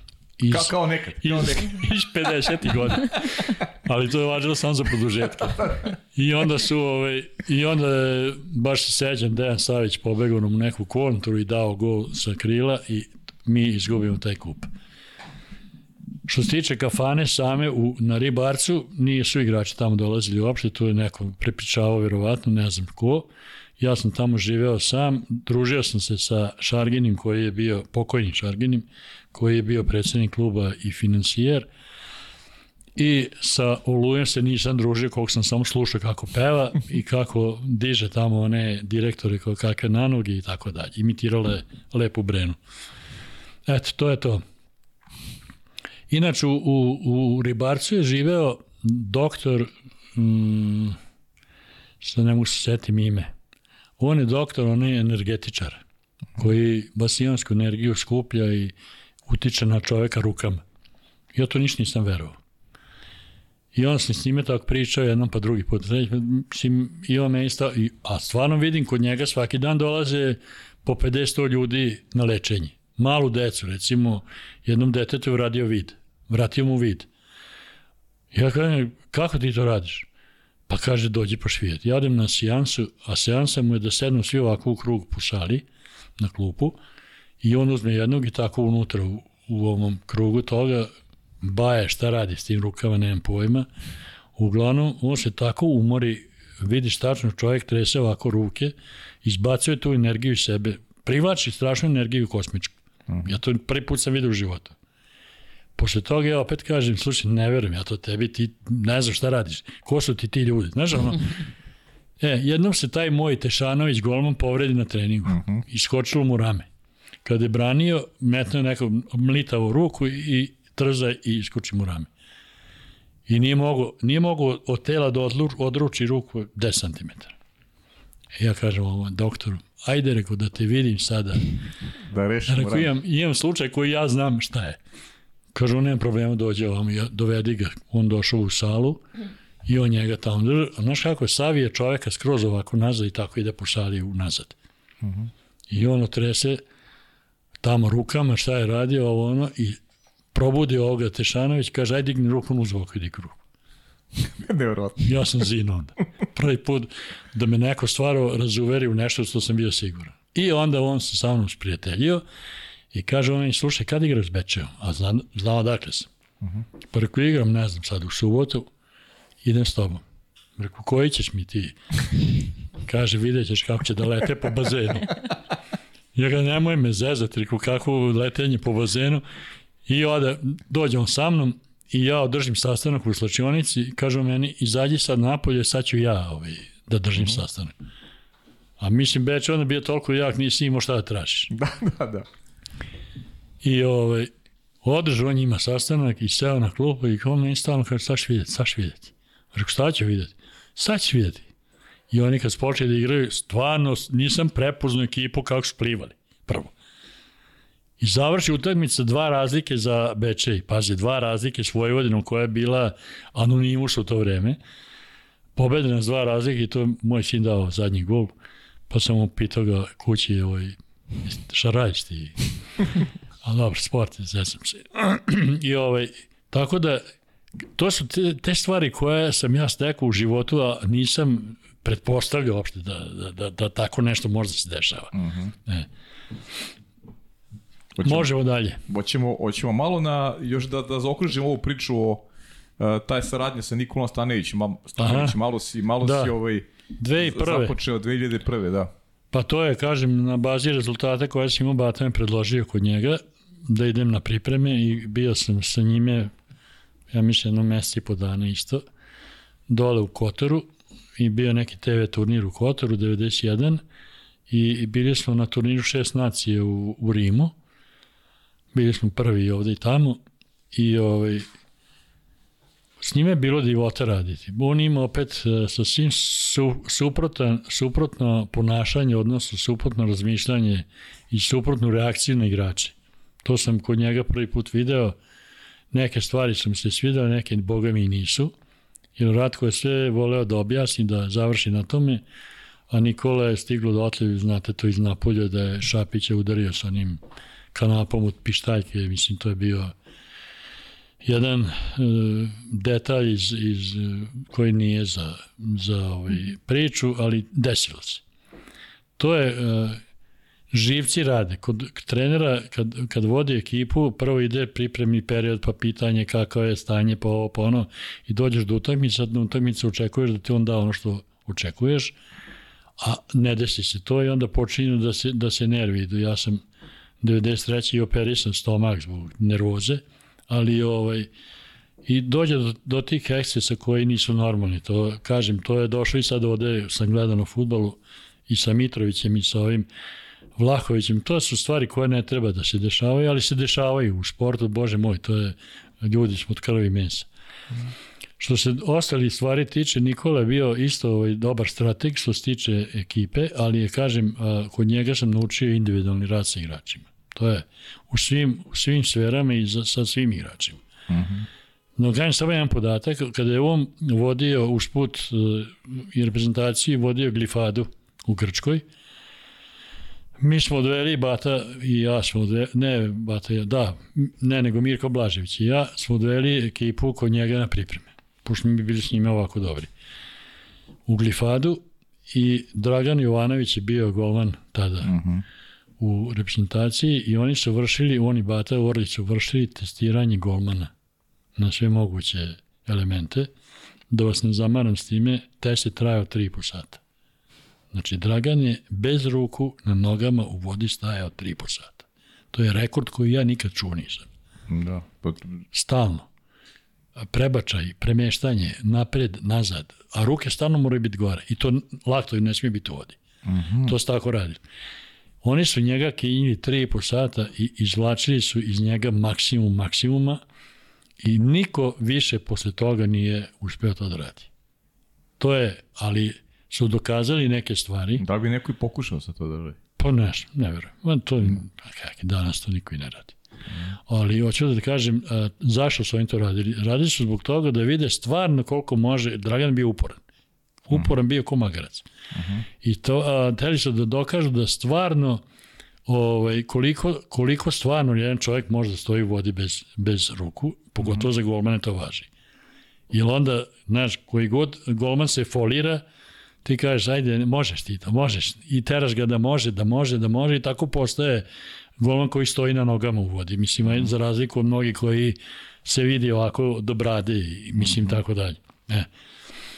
Tako da je on obraćao, obraćao pažnju lično igračima i sa njima radio. Kod njega je bio Ćirić, ovaj Saša što igra u Bečeju, mm -hmm. Mislim da je bio jedno mesec, dva dana u glifade na obuci.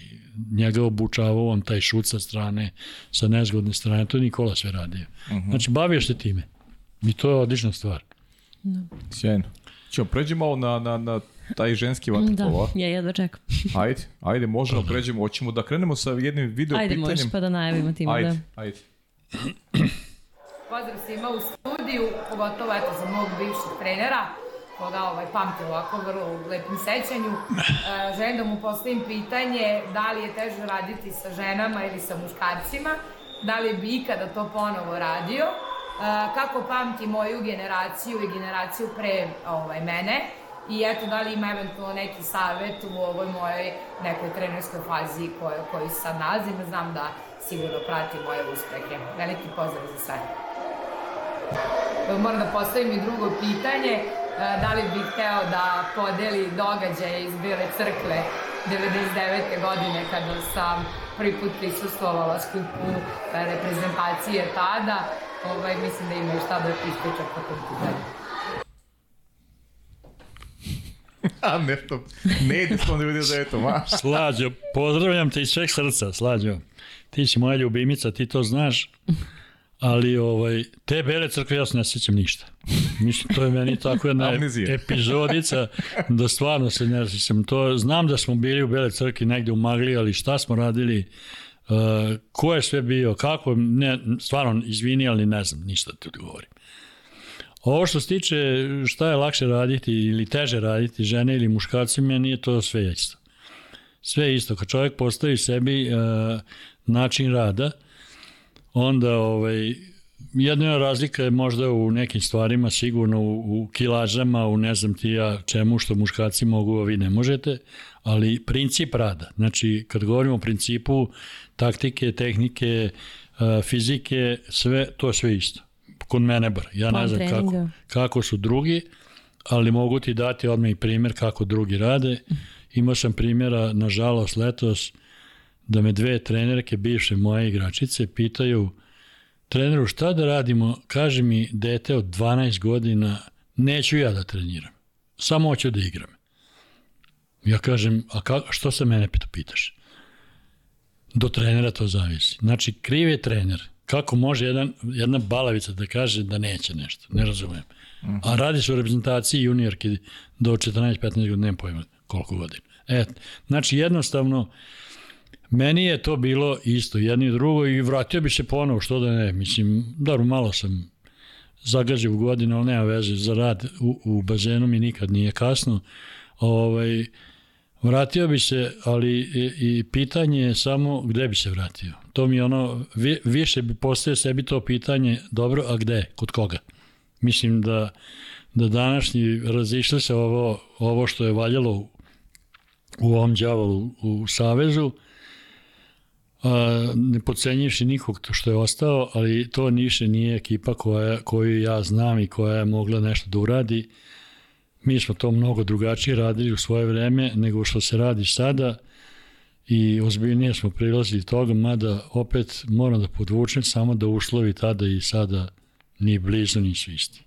Mm -hmm. Mi smo sve radili pomoću štapa i kanapa, pripreme su bile maksimum 10 dana, danas pripreme imate celo leto, juniorska ova reprezentacija i seniorska isto, i na kraju se postigne to što se postigne, znači da tu nešto po meni ne valja. Što se tebe lično tiče, ja sam ti to rekao već dva, tri puta. Odnosno nisam ti rekao, nego te uvek pitam. Zašto ti nisi selektor reprezentacije? Eto, to ti je moje pitanje. Ti si mene pitali, ja tebe. Vidjet ćemo, da. odgovorit će nam da. nekom prilikom. A bilo je i pitanje po čemu pamtite njenu generaciju i generaciju pre? Pa to je, pamtim po mom prvom radu. Mm -hmm. Ona je u toj generaciji u Bečiju počela da igra kad su te stvarane devojke, kada je to počinjelo sve. Pre mene bio jednu godinu Pero Porović, trener, kad smo ga doveli, ja sam ga doveo u Bečiji. Jer sam ja radio onda s prvom ekipom, njega sam doveo za, ovaj, za devojke i posle on išao dalje kako išao. A, te prva ta generacija tih devojaka, pa pamtim i po stvarno jednoj dobroj generaciji koja je volela pravo vaterpolo, bilo je sve to novo za njih, ja sam kad se setim treninga pa sam se često puta i okrećao da se smejem da ne vide i tako dalje, ali mislim bile su uporne i bile su bile su sposobne da igraju i da, da se bave tim sportom. Toliko su ga volele. Mm -hmm. ja. Da. Pacu, da pričamo o nekim sad rezultatima, ovaj, uspjesima, ja bih te ipak prepustio mikrofon tebi da ti malo evociraš, da prođeš kroz šta, šta onako je na tebi ostao najjači utisak kada govorimo o reprezentaciji, ženskoj reprezentaciji nikad nije imala podršku kao što imala muška reprezentacija, to, to ne možemo da, da, da poredimo nikako, ne. ali da li misliš da je propuštena, eto, možda, možda iz tog segmenta, uz, uz to evociranje uspomena, da, da, za koji negdje trenutak smatraš da, da je moment propušten da se možda napravi iskorak i da ovaj ženski vaterpolo postane popularniji u krajnjem slučaju, da više devojka, devojaka pristupi sportom, da, sportu, da se da možda ženska reprezentacija ima i veće uspehe, uspehe nego što je beležila do sada? Pa evo, vrlo lako odgovor. Mi smo, mi smo, kad sam po ja počinio u stvari da radim reprezentaciju, mi smo imali tada dva kluba. Uh mhm. -huh. Ovde, mislim, govorimo ovom delu Srbije. Uh. -huh. I dva smo imali kluba dole, u Crnoj Gori. To je bilo sve što je bilo u to vreme. Crnogorci, kao Crnogorci, recimo u Kotor, gde smo postavili pitanje što ne oformite ženske, a šta će nam ženski, i ovako nemamo termine. Mislim, sve, i, i svugde je to tako išlo. Uh -huh. Beče kao Beče ima svoj bazen. Pančevo je, Pančevo je imalo e, svoje, svoje devojke na, u Pančevu i na Banjici, pošto su radili na Banjici, i dobijali su tamo neke termine da rade, ali to je sve bilo onako provizorno, nije bilo ni organizovano, ni studiozno, ništa nije bilo. I onda dolazi period kada je to trebalo da se stvori reprezentacije, Pera je, kažem, stvorio tu prvu reprezentaciju, nisu oni nigde učestvovali, samo su radili ti godin dana, ne znam, godin i po koliko radio. I kasnije sam ja preuzeo reprezentaciju koja je bila već formirana od njih, njih jedno dvadesetak devojčica i počeli smo da radimo. Ja sam bio zadužen ispred Saveza za juniorsku i za seniorsku ekipu, znači za obe ekipe sam bio, što mi se posle, nije mi se obilo u glavu, nego je ispalo da nešto ne valja. A, ja sam radio sa seniorkama i prvo, prvo takmičenje posle godinu dana rada smo imali Lisabon 96. Evropsko B prvenstvo, uh -huh. gde smo otišli, e tako, malo sam jedan detalj ispričao, e, zašto idete, bit će, znači, sa nekim onako pocenjivanjima da sam ja, sad opet da pričam drugu priču, kad sam izlazio iz aviona, ja tog predsjednika savjeda nisam teo da vidim. Prošao sam ladno pored njega, on me pružao ruku, ja kažem, nemoj meni, evo tu devojka iza, pa njima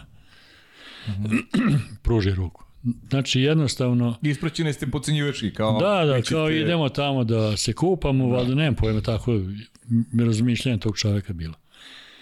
Vratili smo se sa peharom koji i dan danas niko nije potvrdio.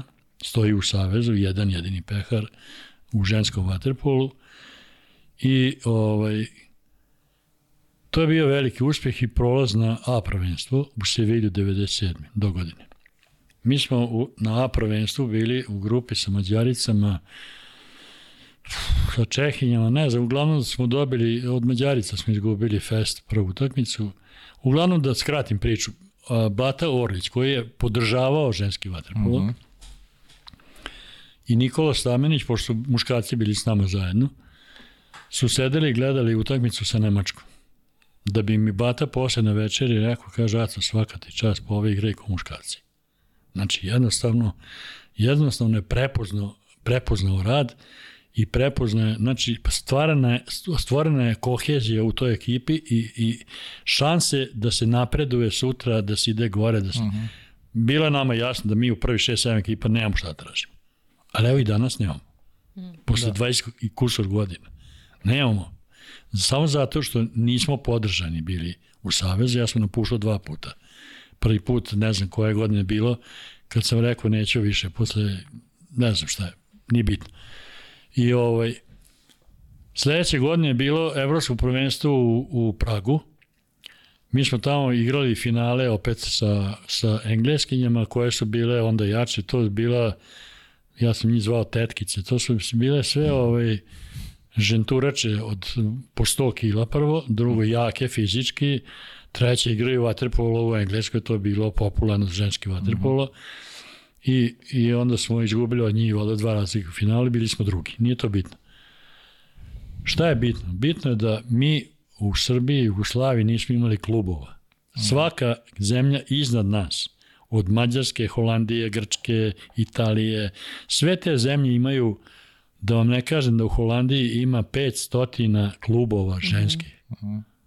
Stalno smo isticali Holandiju ovdje da. kao primjer. Nek da. ih ima po jedna u klubu, to je 500 devojaka. Mi da. to ne možda sanjamo uopšte. Znači, mi smo imali ta četiri kluba i kraj priče. Kad smo se razbili sa SCG, mi smo imali samo ovu Srbiju, Onda smo pomagali Sentu, pa smo, da vam ne pričam koji smo cirkus sve pravili. Ja sam to sve određivao, pošto sam bio selektor, pa damo Senti, Senti četiri igračice naše registrovane, da igraju za njih, da bi imali samo utakmicu u Senti da privuku nove devojke na bazen. I tako se Senta stvorila. Uh -huh. E, pa kasnije je bilo to u Subotici. Pa mislim, e, stvorili smo neki, neki 4-5 kvazi klubova, ajde, ali klubova smo stvorili I taman je to neki zamah uvatilo, međutim, kažem, nismo, ja sam video posle Praga, da nema šanse da dobijemo neku podršku Saveza i on sam rekao, gospodo, laku noć, ja više ne mogu da radim ovo. I nisam radio dalje. Onda. Da bi Perišić, Dejan i Ivanka Raković i, i ne znam ko je još bio treći, uh, dve godine ili tri godine kasnije došli meni ponovo da me mole da prihvatim reprezentaciju, jer treba to da, znači šta je bilo, to je uh, u Leni cene državu kada ima i muško i žensko reprezentacije. Dok smo mhm. bili samo muškarci, mi smo ipak tu bili po cenjenju države, smo bili negde ispod. Italija ispod ovoga, uh mhm. -huh. Grčka ispod bilo koga. E, a sad te države imaju i jako mušku i jako žensku. U tome je razlika. Zašto imaju, Mađarska ima 14 klubova u prvoj ligi da, da. i 12 klubova u drugoj. Uh mhm. -huh. Znači, taj, to, to ti je kapital. Yes. I hvala Bogu da, da imaju. Ja sam jedne godine zahtevao da igram u Mađarsku ligu sa Bečejom. Kad smo stvarali Bečej. On sam, pošto ja mađarski govorim perfektno isto, ja sam sa Mađarima bio dobar, u Senteš odem i razgovaram sa Đulom Totom da igramo njihovu ligu, da nas stave tamo na listu. I mi smo igrali njihovu ligu, bili u drugoj ligi u to vreme. Uh mhm. -huh. Pazi, to je bilo s Mađarskom biti u drugi u ligi njihove, to je da, Mađarsko, bio koji je redovni da, da. kandidat za medalje. Pa bili olimpijski pobednici, kapit, da. mislim, svetski prvaci su bili. Taj da. Đula je vodio reprezentaciju. I tako onda, to se sve raspršilo i počelo da bude ono na bazi, ej, ajde ako hoćeš, hoćeš, ako ne, ja to ne mogu tako da radim. Prihvatio sam se ponovo, kažem, za dve godine otešli u Nansi, obećavali su mi iz klubova, vračara, ne znam, ovoga, onoga, da su devojke u ligi, da su spremni, ja nisam imao uvide uopšte, dve godine nisam bavio njima uopšte. Dolazim u Nansi, ja ne mogu da prepričam kako su te devojke izgledale i kako su igrale. To se vuklo po bazenu, to vidno da ne trenira tu niko. Mm. I onda sam se vratio kući u Savez, rekao sam, nemojte me više ni zvati. Mm -hmm. I to mi je, tu mi je kraj bio sa ženskim ekipom. Da. Pa, pratite sad malo izokola nešto ili koliko ste, pa koliko ja, ste upućeni? Pratim, ovaj, pa ja sam na Evropskom u Beogradu bio konsultant stručni ome, uh mhm. -huh. kako se zove, sa RTS-a, uh mhm. -huh. na finalu Mađarska i Holandije. Pratim, ali nisam nešto specijalno uključen, pre ja to drugačije uh mhm. -huh. radio. Jer ja sam fanatik u tome. Ja uzem snimak, pogledam i vodim statistiku, pa onda kada idem na utakmicu znam protiv koga šta treba igrati, kako treba igrati tako. Uh mhm. -huh. Ali sad samo onako površno. Uh -huh. Malo, koliko mi, koliko mi dozvoli vreme. Da, u onom momentu izjednačavanja, što ste rekli da je isti princip rada sa da. muškarcima i ženama, mislite i na ove dnevne stvari kao što su planovi, plan svakog treninga i tako sve da, isto, sve isto. Sve isto, da. I kod njih se prave ciklusi za pripreme. U zavisnosti, kažem samo, tu je, tu je jedina falinka bila što se, recimo, muška reprezentacija, ajde da pričamo o muškoj ekipi, uh -huh, da ne mhm. pričamo, muška i ženska ekipa. Muška ekipa ima potporu za pripreme od 2-3 meseca, uh mhm. -huh. a ženska ne. ima za 10-15 dana. Da, da. Tu je bila razlika u moje vreme. Kažem, sad se to promenilo, uh -huh. ali se nije drugo niš promenilo. E, to je, tu je greška. Uh -huh. Da. Pa dobro, sad su neke druge zemlje, ajde kad smo već kod ženskog vaterpola isplivale kao onako, upravo to što ste rekli, malo uz, uz jake muške ekipe, a malo se to pojavio i neki Izrael, pa često Holandiju ističemo, makar po toj sistematizaciji u, pa dobro, u radu. Da. da. da. Koliko tu Srbija može ili ne može, šta, kako, kako vidite tu situaciju? Pa sa Izraelom ja mislim da mogu da se kače dan danas. Uh mhm. -huh. A kako nastoji Izrael, znate to? Miloš Bradić uh mhm. -huh. je otišao u Izrael njegova žena ili devojka, ne znam šta je, nije bitno, je bila kapiten izraelske reprezentacije i oni su se tako upoznali šta su radili na bazenu i on je otišao u Izrael pre par godina i radio je u reprezentaciji i taj deo posla što je on uradio je selektiranje igrača. Miloš je radio sa mnom dve godine, ja ga znam. Mm -hmm. On je dobar trener, studiozan i radi poštene posao. E, Posle šta je bilo kod njih, ne znam, jednom sam se samo čuo s njime unazad, pa ne znam, dve godine. On je napustio reprezentaciju, osnovao neki svoj klub, radi u klubu, a u reprezentaciju su doveli nekog Grka. Mm -hmm.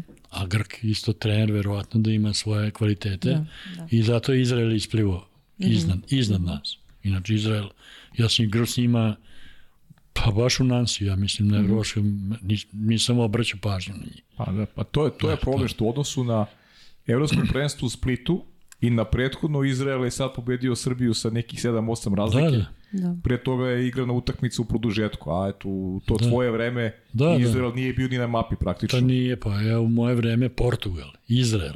To nisu bile reprezentacije. Mm -hmm. Nisam, nisam taktiku pravio protiv te ekipa, nego sam ovima rekao, slušajte, ima da igrate danas, samo da pobedite, ništa više, ne zanima me ništa. E, to je tako bilo. Mi smo u Portugalu u finalu, i kad sam otišao u Portugal, jedan moj prijatelj iz eh, KSI-a iz Mađarske je bio njihov selektor, Mađar. Uh mhm. -huh. I dogovorimo se da dam pred početak prvenstva, pošto nismo i bili u istoj grupi, da igramo sparing utakmicu. Uh mhm. -huh. I mi igramo sparing utakmicu, to je moja greška bila. I pobedimo tu Portugaliju na tom treningu, pa ja, ja mislim jedno, pa neke pet golova, ajde. Ono ladno. -huh. I tako i ja se upustio, ne računajući uopšte da će oni iz druge grupe da isplivaju gore da dođu u finale. I mi finale igramo protiv Portugala u Portugaliji. To je bila ludnica, tribine bile pune. One publika viče Portugal, Portugal mhm. -huh. i ovaj ove devojčice se onako, znaš, kad se vidjeli, rekao, slušajte, tukli smo i mislim da ste jasno da smo došli. Uh mhm. -huh. To što igrate, nemojte slušati tribine, slušajte muziku u glavi i gotovo. I ovaj, I mi smo njih na jadvite jade pobedili jedan, jedan go razlike. Uh -huh. I mhm. osvojili to prvenstvo. Uh mhm. -huh. Ima li neki deo posla i rada sa, sa ženama i devojčicama koji je lakši nego, nego u radu sa muškim ekipama? Pa ja nisam primetio. Uh -huh. Ništa nije lakše. Uh -huh. Ako priđeš studio za tom poslu, neko gleda devojčice kao onaj slabiji pol što jeste, ali za treninge nije. Ja imam, mislim sad da ti ne imenujem igračice koje imaju bolje parametre po testovima nego muškarci. Mm -hmm. Što se tiče fizike, što se tiče plivanja, svega. A na mentalnom planu? Me, isto tako. Mm -hmm. Isto tako. Mislim, nije, ne sve. Dobro. Mora se ogradi. Da. Mene je Milica Perovska recimo bila igrač par excellence. Muškarčina. Znači ona je bila, ali Rekao sam, 2006. kad su izgubili prvenstvo u Beogradu u odnosu kad su bile zadnje, ona prva mi došla da plače. Sam rekao, Mica, žao mi je, mi smo završili, a šta ste vi radili, ne znam. Da, Saško Dunđerski koja je iz Bečeja, to je levakinja, strašna igračica. Imala je potencijal fantastičan. Nju su ubogaljeni na tim pripremama. Ili neki oka, Okičić iz, iz ovog djavola Niša dole radio neki diplomski rad za doktorat. I nju je uzeo za primjer da, ga, da je ganja, da pliva, da radi ovo, da radi. Uništio dete. On je došao kuće ovako ko su varak. I žalila mi se kako se uništili. E, to mislim, to ti je rad. Da. Mm. Hoćemo čujemo pitanje još jedno, a? Ajmo. Ćao Pavle, ćao Aco, pozdrav svim ljubiteljima Waterpola ovu priliku bi iskoristila da pitam Macu koji mu je bio najlepši trenutak sa ženskom vaterpolo reprezentacijom nekada Jugoslavije, a kasnije Srbije. Još jednom pozdravljam sve u studiju. Ćao. Eto, pričao si o Milici, pa... Da. Pa upravo sam te spominjao i hvalio sam te, ali sad ću ti reći, najbolji trenutak mi je bio stvarno Lisabon 96. kad ste me bacili u bazen. Znaš zašto im bio najlepši? Zato što sam pre bacanja skinuo sat. Jer vi kakve ste bile, bacili bi me sa satom. A u to vreme nisam imao para da kupim sat. Eto. taj, taj period ženske reprezentacije ja su protkani sa isključivo ljubavlju, tako to Ma je. Ma pa to je bilo mislim entuzijazam. i fino druženje to bilo i bilo stvarno stvarno kohezija uh -huh. u mhm. ekipi i ovaj bile sve devojke, ovaj Mule i Sale recimo Đurovićke iz Kotora, moram njih da spomenem isto, da su bile dve simpatične devojke, mada Sale se posle kasnije promenula, odnosno promenula je meni, meni neke stvari. Mi smo se spremali, pa moram to da kažem, bez obzira, nek se uredi. Uh mhm. -huh. ovaj, sport je u pitanju. Ona je uh, bila u procesu rada, u prvi šest je bila u reprezentaciji. Imali smo pripreme, sad kad vam kažem gde su bile pripreme reprezentacije pred Sevilju. Nećete verovati. Ajde, čo? Stara Moravica. Stara Moravica. Gdje je to? Šta biše Stara Moravica? da, da. I ja sam to pitao isto, mada sam iz Vojvodine. Kod Subotice, jedno selo. Kod Subotice, selo. Selo. Tamo smo bili smešteni u lovački dom, a imali smo bazen koji je zavisi isključivo od Boga. Voda je bila 17 stepeni. A ne znam da li znaš šta je 17 stepeni Kako u vodi. Pa naravno. A, odvija se takmičenje u 24-25 stepeni. Mi smo imali 17 stepeni. Bili smo tamo tri dana, neckali se, hoćemo, nećemo. I na kraju nas prebace u Bečej, pošto je Bečej finansirao pripreme za, nažalost, za mm -hmm. ovaj djavo Sevilju. Ali dan dva pre nego što ćemo preći u Bečej, dolazi Saletov otac pokojni Šuka Đurović, kaže, Aco, da ti kažem, Sale se udaje. Rekao, molim. Kaže, Sale je rešila da se uda, neće i ona je biti više na spisku, ona ide u Sevilju. Preko Šuka, Bog te ide, neko odloži 15 dana, bre. Da imamo u Evropskoj, da. Ne. ne. Ovo je rekao, ili ja, ili Vaterpol, i to je kraj priče bila. Tako da mislim, to je jedan od, od mojih šlogova što sam imao u, u, toj, u toj ženskoj reprezentaciji, a mislim drugo je, ovo drugo je sve bilo na drugačke basi kaki, to je bilo ovaj, stvarno u toj Sevilji smo imali taj, taj lep doživljaj u, u ovaj Lisabon. U Sevilji bilo isto fino, bez obzira smo bili deveti. Mi kad smo to ukli Englesku, od 12 ekipa kad budeš deveti, a prvi put učestvuješ na evropskom prvenstvu, ipak je nešto. E. Pa znam, ali, ali kad znaš, kad ideš na pripremu u Stare Moravice, u selo, neku baze 17 stepeni, to sam onda rekao. kad se devojka udaje i rešila da se uda, no. mislim, ne, ne, nema šta da se kaže. To se. Opet idemo od vrha. Da, da, kažem. Šta je uradila krovna organizacija da... da, da, da Ništa. A, upravo to. Ništa, kažem ti, Vatrepolo držao Beče i Pančevo, odnosno Miković i Predin Đorđe. Uh mhm. -huh. Da nije njih bilo kakvi.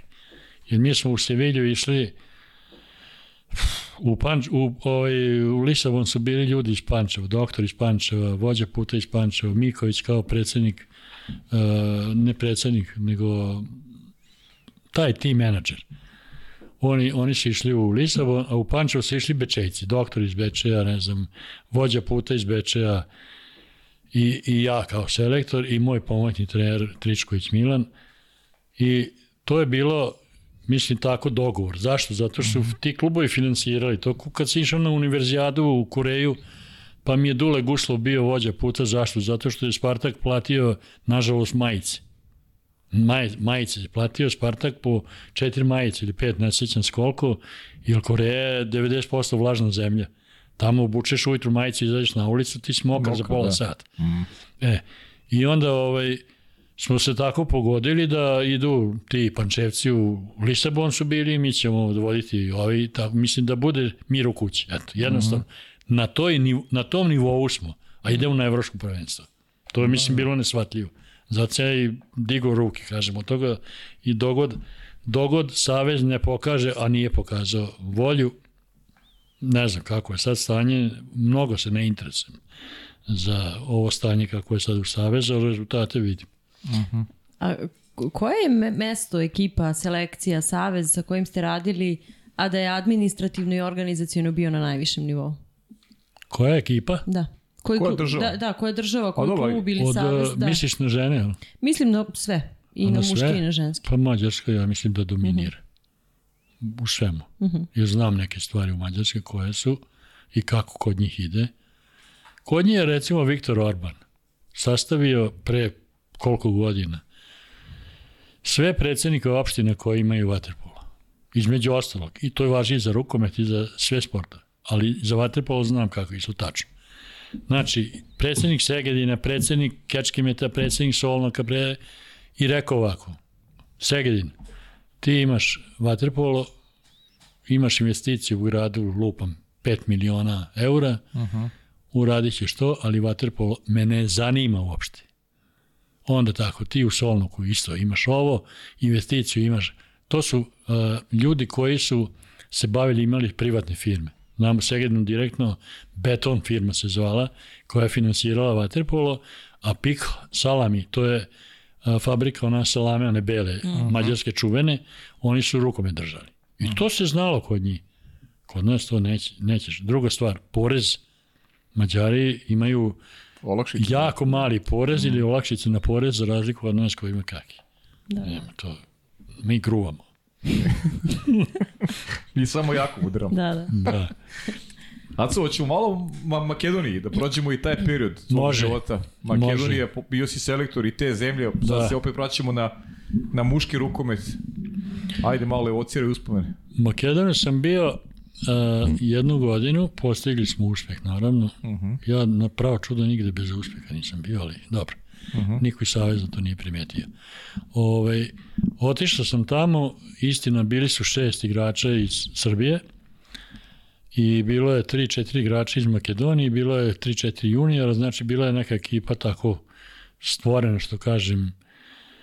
E, imali smo imali smo evropski šampionat evropski šampionat u Manchesteru u, u Manchesteru gde smo bili u, u nekoj jakoj grupi znam da nismo nismo ove, ovaj, mnogo tamo uspjeli imali smo ali smo stigli na četvrto mesto, četvrti smo bili, da, mhm. četvrto mesto na kvalifikacijama i stekli smo uslove, bila Crna Gora sa Perom Porobićem, bili tamo Nemci, bilo svega tamo.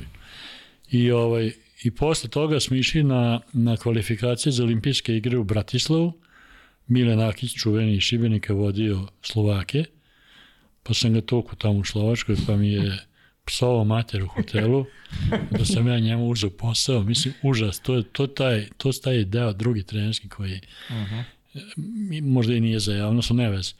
Ovaj, Posle toga smo imali, kao četvrti smo izborili pravo učešće na kvalifikacijama za evropsko prvenstvo u Malagi te godine. Uh -huh.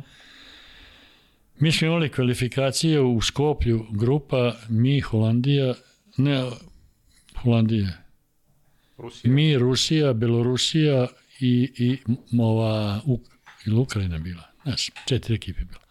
Nije bitno.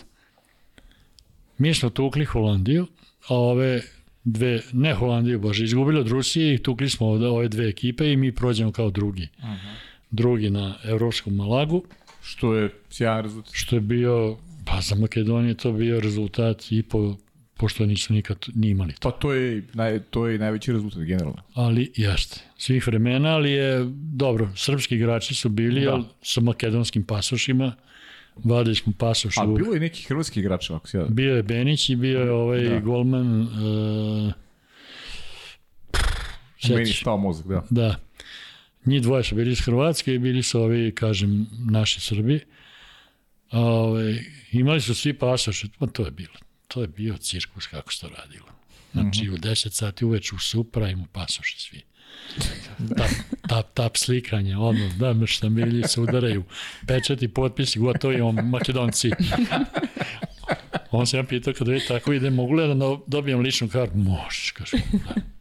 I on smo jednom zaseli u onu makedonsku kuću, malo smo tamo i popili, pojeli i uh mhm. -huh. posle te večere smo išli u sub da pravim pasoš. Oj, ličnu, ličnu kartu. Čuvam iz dan danas za uspomenu da imam slika kakva je kad sam bio rovit iz kafane. Aha. Ove, ovaj, uglavnom, to je bio veliki uspeh, to su, to su svi komentarisali i onda posle toga e, posle toga se niko nije oglašavao jedno mesec dana, sam zvao tog sekretara njihovog federacije, Štefana Pulikovskog, I pitao rekao šta, šta je bilo sto snijavljati, da se ide u Malagu. Pa ne znam, neće ja više da budem, neka svađa bila kod njih, oko čega ne znam. I ja ovaj, jednom prilikom stavim ženu u kola, odam mi u, u Škoplje i direktno kod njegovu kancelariju, pošto znam da imuje. On, on je već preselio njegovu firmu u Češku, radi tamo, ali je bio u Škoplje. I ja pitam, neko, da, priskočio sam, izvinjavam se, razgovor oko mog daljeg angažmana. Ja odem u Škoplje da razgovaram s njim i s još jednim uh, koji je bio zadužen za juniorsku reprezentaciju. Neki privatnik prodavao je ove cigare duvan. I sad mi tu razgovaramo i ja iznesem njima moje mišljenje. Gde sam? Eliminisao neke starije igrače iz Makedonije, uh mhm. -huh gde sam eliminisao dva naše igrača iz Srbije i gde sam eliminisao, mislim, ovoga jednog Perčevića zvao. Perčević, Perčević, golman. I ubacim četiri juniora i juniorskog golmana, perspektivni klinci, jedan mali se čak prezivao i Milanović. Ovaj, perspektivni s njima radio Stevan Unković. Uh mhm. -huh. I ovaj, ja predložim tako, rekao, slušajte, ajde pošteno da gledamo. Mi u Malagi nemamo šta da tražimo. Rezultatski, plasmanski, nikako. Idemo da igramo. Dajte ove klince, pridobimo, uh, pridodamo te klince. Napravimo ekipu za Malagu, tu imamo tri meseca priprema. Odemo tamo, odigramo Malagu. Posle Malage, dva Srba opet skloniš u aut, povučeš još dva. Mislim, tako se pravi ekipa. Da. Da, mi idemo da pobedimo. Koliko, šta da radite da pobedimo? U Malagi da pobedite na Evropskom prvenstvu. Onda ja ne mogu učestvati u toj I ja se okrenem i odem. Zdravo, zdravo da bi posle štampa pisala, imam te članke kući sve u kompjuteru, da sam ja tražio 20.000 evra za sezonu da vodi Makedoniju u Malagu. Jedna laž, mm. beskrupulozna laž. Mm. I ja sam onda pisao demanti toj, to je vest, vest neka makedonska, pišem ja demanti, napišem sve kako je bilo i posle toga se nisu uopšte javljali, ali otišu u štampu. Da, Mislim, da, da. popljuvali te. Da, da da bi me neki Spasovski novinar žurnala, dopisnik iz Skoplja, zvao posle jednu dva meseca, valjda da sazriv njemu, znaš, mm. dobar čovek. Kaže, Aleksandar, izvini što te zovem, da ti samo kažem da neljudski su se poneli, ti si Makedoniji otvorio oči, ti si ovo, ti si ovo, rekao, ej, spasao si. Rekao, imam drugi posao, mani me, gotovo je sa Makedonijom, sam završio. E, tako smo se razišli. Mm -hmm. Bez veze, I onda su uzeli Ljubo Meškića, uh mhm. -huh. Ljuba otišao u Malagu, odradio šta je odradio, da bi posle Mala... Da, ja u jednoj robnoj kući to u Beogradu sretnem Ristu Maljkovića sa ženom. Ja kažem, otkud ti, za vreme Malage. Ja kažem, otkud ti u Beogradu? Što, pa ja sam se vratio, ne mogu ja s Ljubom. Mislim, uh mhm. -huh. Rista je bio šraf u, tom, u toj ekipi. Glavni šraf u odbrani. I, ove, I, i kaže, vratio sam se nazad. Rekao, dobro. Posle Malage sretim Ljubu na bajnici, rekao, kako bilo Malagi? Mislim, ne mogu da vam kažem kako odgovorio u ljubinom stilu. Uh mhm. -huh. Kaže, završio sam ja s njime, nema od toga ništa više. I evo, kako smo mi otišli odande, umro Waterpolo. Da, nešto U Makedoniji nema više ništa. Ja znam da Vardar nešto funkcioniše i nešto Ma se to je, to... Se, ima veterane neki, šta, to nije ništa. Da. Da. Dajte vi nešto pametnije. Da. Ovaj period u Grčkoj, recimo, hoćemo A da, tam? hoćemo malo, da. Larisa. U Grčkoj sam otišao dok sam radio i to je šok bio. o, dok sam radio sa ženskom reprezentacijom. Imali smo neku pauzu i ja odem u Larisu, zvali su me u Larisu, predsednik kluba, neki Dimitris, koji je bio direktor jednog fakulteta u, u Larisi, da dođem i dogovorimo se sve i kako i šta i ja odem tamo i tamo isto večeramo i pričamo i dogovaramo se sve. Sutra ujutro zvoni meni telefon Marko Stefanović, sekretar Vatripolo mhm. saveza. Oni bili u, u Kranju ili u, u Zagrebu. Uh mhm. -huh. Aco, šta ti to radiš? Na šta to liči? Mi te plaćamo, ja kažem, stani malo, ko me plaća? Kome plaća Marko? Pa imaš ti s nama dogovor. O dogovor imam, o dogovor ne možeš na pijacu. Na pijacu si ide s novcima. Ja novac nisam dobio, rekao i ostavim na miru. I pustim u slušalicu. Mhm. -huh. Mislim, dobar sam s njim i dan danas kad ga sretnem tamo. Ali hoću da kažem, otišao sam, jer stvarno došao sam u situaciju, dosta sam radio 10 godina za badava, niko da te pita, Sovrović me pitao, kao za platu, ja kazao, rekao, hoću toliko, kažu, ovo pa ne možemo toliko, a ne može toliko. A selektor A reprezentacije ima šest puta više od mene. To možete. Mislim, šta sad pocenjujete mene, rekao, dobro, neću raditi više. Mislim, to sad prljave stvari, to ne treba da, da se iznosi, ali dobro. Ovaj, I onda sam otišao u Larisu, u Larisu je bilo, poveo sam ja jednog igrača iz Sente, Mađar, koji je igrao već prvu mađarsku ligu, dobar neki centar, uh, centar, kako se zvao, on sad još je u Mađarskoj trener tamo u, u onome Harkanju. I ovaj, povedem ja njega i napravio mi ekipu i složili smo sve i tamo oktobra, krajem oktobra počinje liga i negde oko 15. oktobra me i taj Dimitris me zove u kancelariju kod njega, kaže samo da ti kažem, ne znam da li ću moći da te plaćam više, Jer kaže, vidiš, kamioni stoje poput, to je bila ona velika kriza ekonomska u Grškoj. Uh -huh. Kad su kamioni stali, ni se roba prenos, zatupila se cijela država. Ja kažem, kako sad, mislim, pa nisam ja došao zbog vaše ekonomske krize, ja sam došao zbog ekipe. Znam, ali znaš, ne mogu da nabavim sad pare, ovo, ono, ško dobro, nije problem. I ja uveče lepo, pošto sam s kolima mojim išao u Larisu, zovem ovog Salata Cveća koji je isto bio tamo radio kao pomoćni trener i trener klinaca. Rekao, Sale, dolazi kod mene da im pomogneš, da, da utovarimo stvari u auto, ja sve upali i doš kući. Šta, mislim, posle telefoni, ovo, ma kak, ništa tog nema. Da. To je Larisa bila. To je Larisa. Univerzijada Degu, to je interesantna priča. Mm -hmm. To je 2003. godina bila.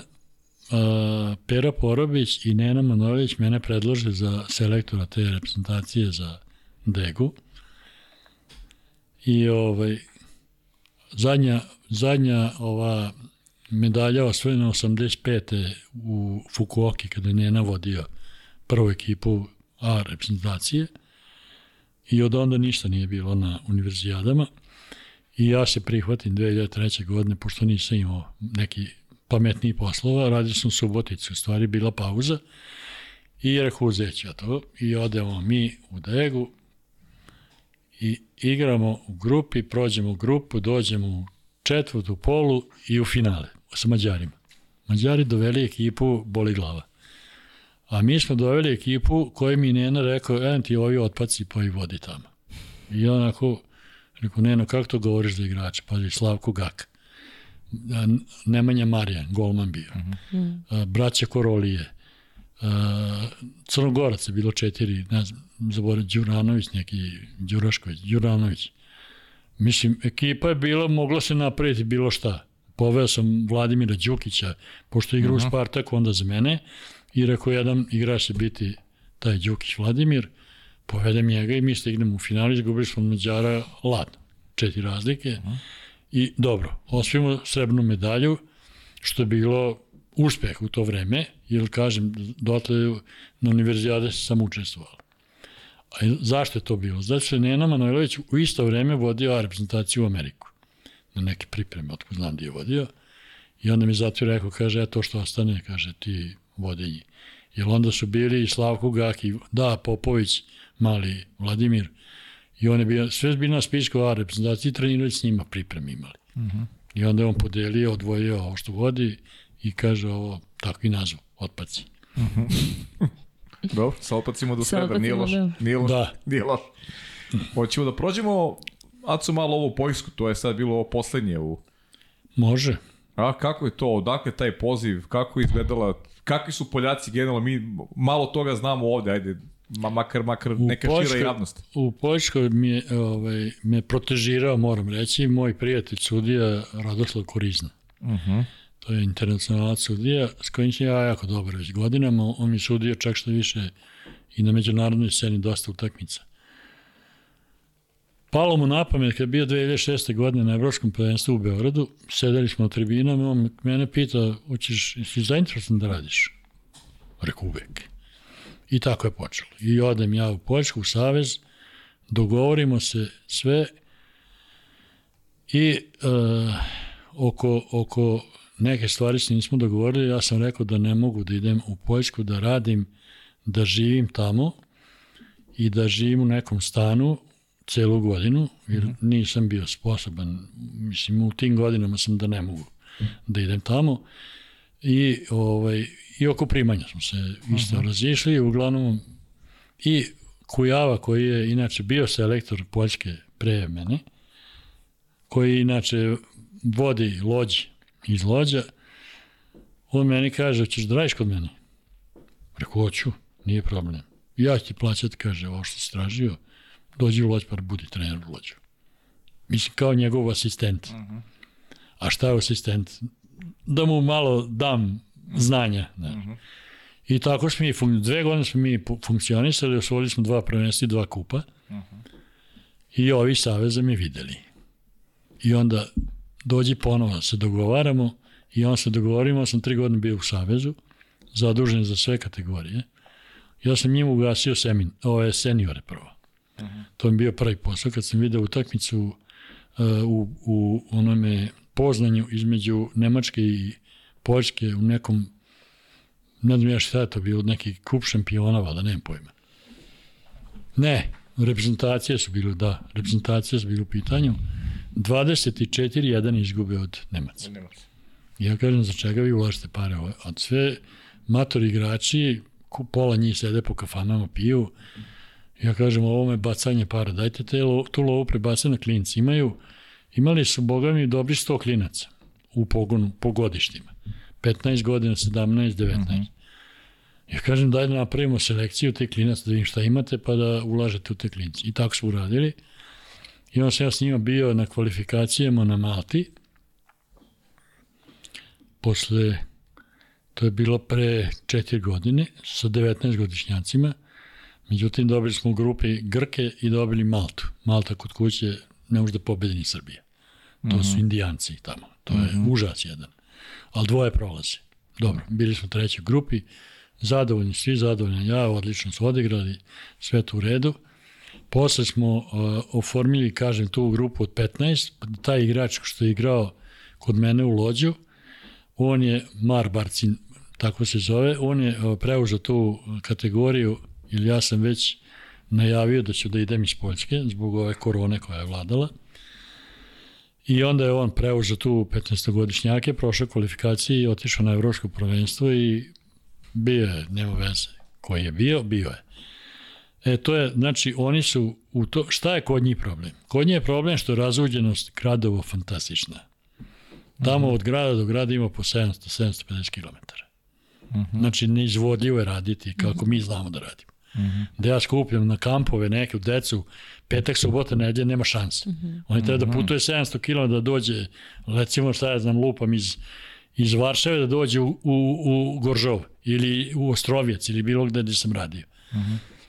I onda smo se dogovorili ovako, da ja radim svaki mesec tamo po 10-15 dana, ali da sva deca budu na gomili, da iskupe. I onda bi prva baza mi bila godinu dana u, u Goržovu, to je gore kod Berlina, 130 km od Berlina, pa sam imao dobru vezu avionom Berlin, pa dođu kolima uh -huh. po mene, pa me nose tamo. A, drugi period sam radio u Ostrovicu, pošto Ostrovic ima najviše te dece od 15 godina. On sam radio s tom, s tom generacijom. I ovaj, Tako da nije moglo da, se pravi bilo šta drugo. Pravili smo mi turnire, na turnir dođe ekipa i budu u hotelu i tri dana igraju vaterpolo. Mislim, nema veze s putovanjima, sa bilo čime. Mm -hmm. Ali njihovi protivnici su Litvanija, njihovi protivnici su Ukrajina. Da, da, da. Znači, ta, to okruženje je njihovo stalno bilo i tu imaju uh, dobre ove, odnose sa njima i sa njima su sparingovali. Mm -hmm. Tako da smo bili prvi na turnira, šta vredi kad si protiv Litvanije prvi. Da, da, jasno, jasno. Bez pocenjivanja, ali... Uh mhm. -huh. I onda je bilo ovaj, dve godine se njih dovodio u Bečej, u stvari jednu godinu, lažem, jednu godinu u Bečej reprezentaciju, a dve godine Lođe došli, kao klub dolazi. Uh mhm. -huh. Pošto sam odveo u Lođe dva igrača iz Bečeja. Tako da, eto, to je Poljska. Sad je saradnja sa njima završena? Završen u decembru prošle godine, mi, prvo mi ugovor istekao, a drugo, mm. kod njih je takva korona bila za 35-40 hiljada ljudi dnevno mm. umirala. Mm. I onda su oni sve zatvorili, bazene i sportske hale i škole i sve živo. To je bilo užas. I onda su, a mislim, mene je bilo sramota da sad sedim ovde u Srbiji, a da se vodim da sam kod njih, jer su mi slali svaki mesec platu redovno. Mislim, mm zašto ima ugovor. A je li sada postoje pregovori sa nekim? Mm, ne. Ne, ne. U, malo misterije. Jesam u, bio ubedljiv? Ne. Pa, da. za mene ne. Da, ni za mene, ali do, neću da je sistiram na dalje Nija. Da. Aj malo će pređemo na pitanje gledalaca. Aj još jednu samo... Izvini samo da te prekinem, sad kad si rekla. Aj. Ja sam u Bečeju trener prvi. Ti ne znaš mhm. što? Ne, ja to znam, ali me zanima da li postoji pa ne, sa nekim od Još uvek sam na spisku u Bečeju kao prvi trener. Uh mhm. -huh. Eto, da. Je tako ovaj, Nema onda misterije. Tako je Goran prijavio. Pa sad ću ja pitan Goran, sad ćemo da vidim ovdje sa Goranom. Da li, da li... Tako da sam tamo prijavljen kao trener u Bečeju. Dobro, samo da kažemo da Šalim se. publika zna, vaterpolu publika zna no, da. tvoj otac da, da. Goran je poznati vaterpolista i ovaj, Tvoj sin. A, tvoj sin, tvoj da. Sin tvoj sin, tvoj sin, šta sam je rekao? Otac. Otac, šta je samo? Dobro.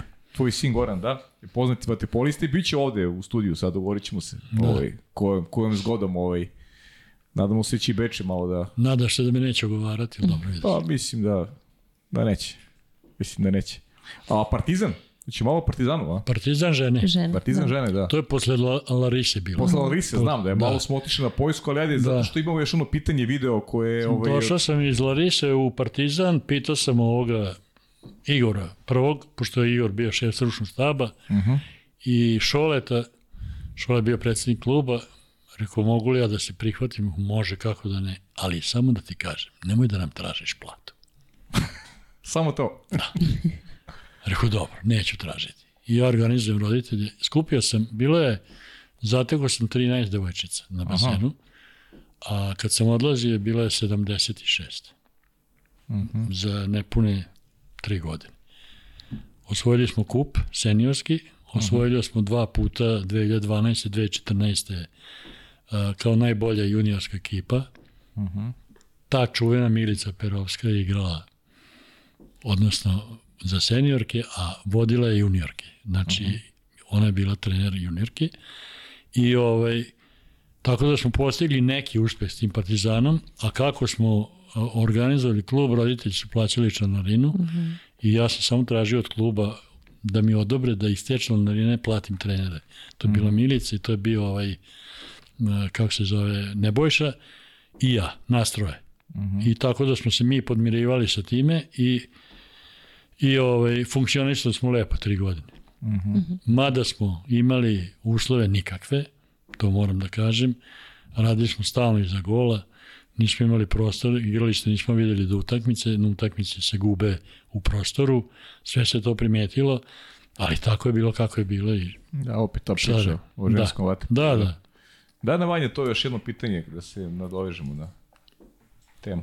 Ćao, pozdrav svima. Nadam se da se dobro provodite kao i, i svake nedelje u studiju. Uh, ja sam imala priliku da, da sarađujem sa Acom u svojim nekim juniorskim danima, tako da što se tiče pitanja, postavila bi mu dva pitanja. Prvo pitanje je da prokomentariše nova pravila koje su uvedene u Waterpolu i da neko svoje opšte mišljenje o tome.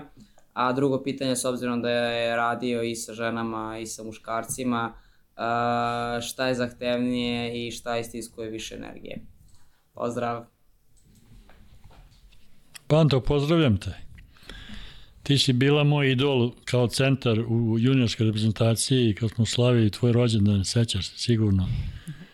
Ovaj, ovo pitanje što se postavila, to sve postavljate isto pitanje, šta je muško ili žensko, pa isto isto, brate, šta u sportu se pliva do 2 metra i daje se gola i, i ide se nazad u odbranu, tako da mislim sve to isto.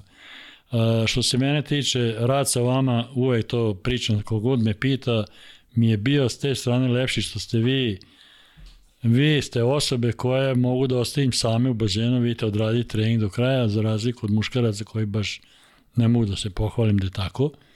To je jedna stvar i druga stvar što ste kad prionete na posao, vi to ozbiljno shvatite i radite stvarno bez, bez pardona. Šta je još bilo pitanje? I bilo još... Bilo još neko? Mislim da ne. Ne, ne, bilo još nešto. Nešto je šitalo, da. Pi... Ajde da pusti, da. Ajde, pusti ponovo, da, može.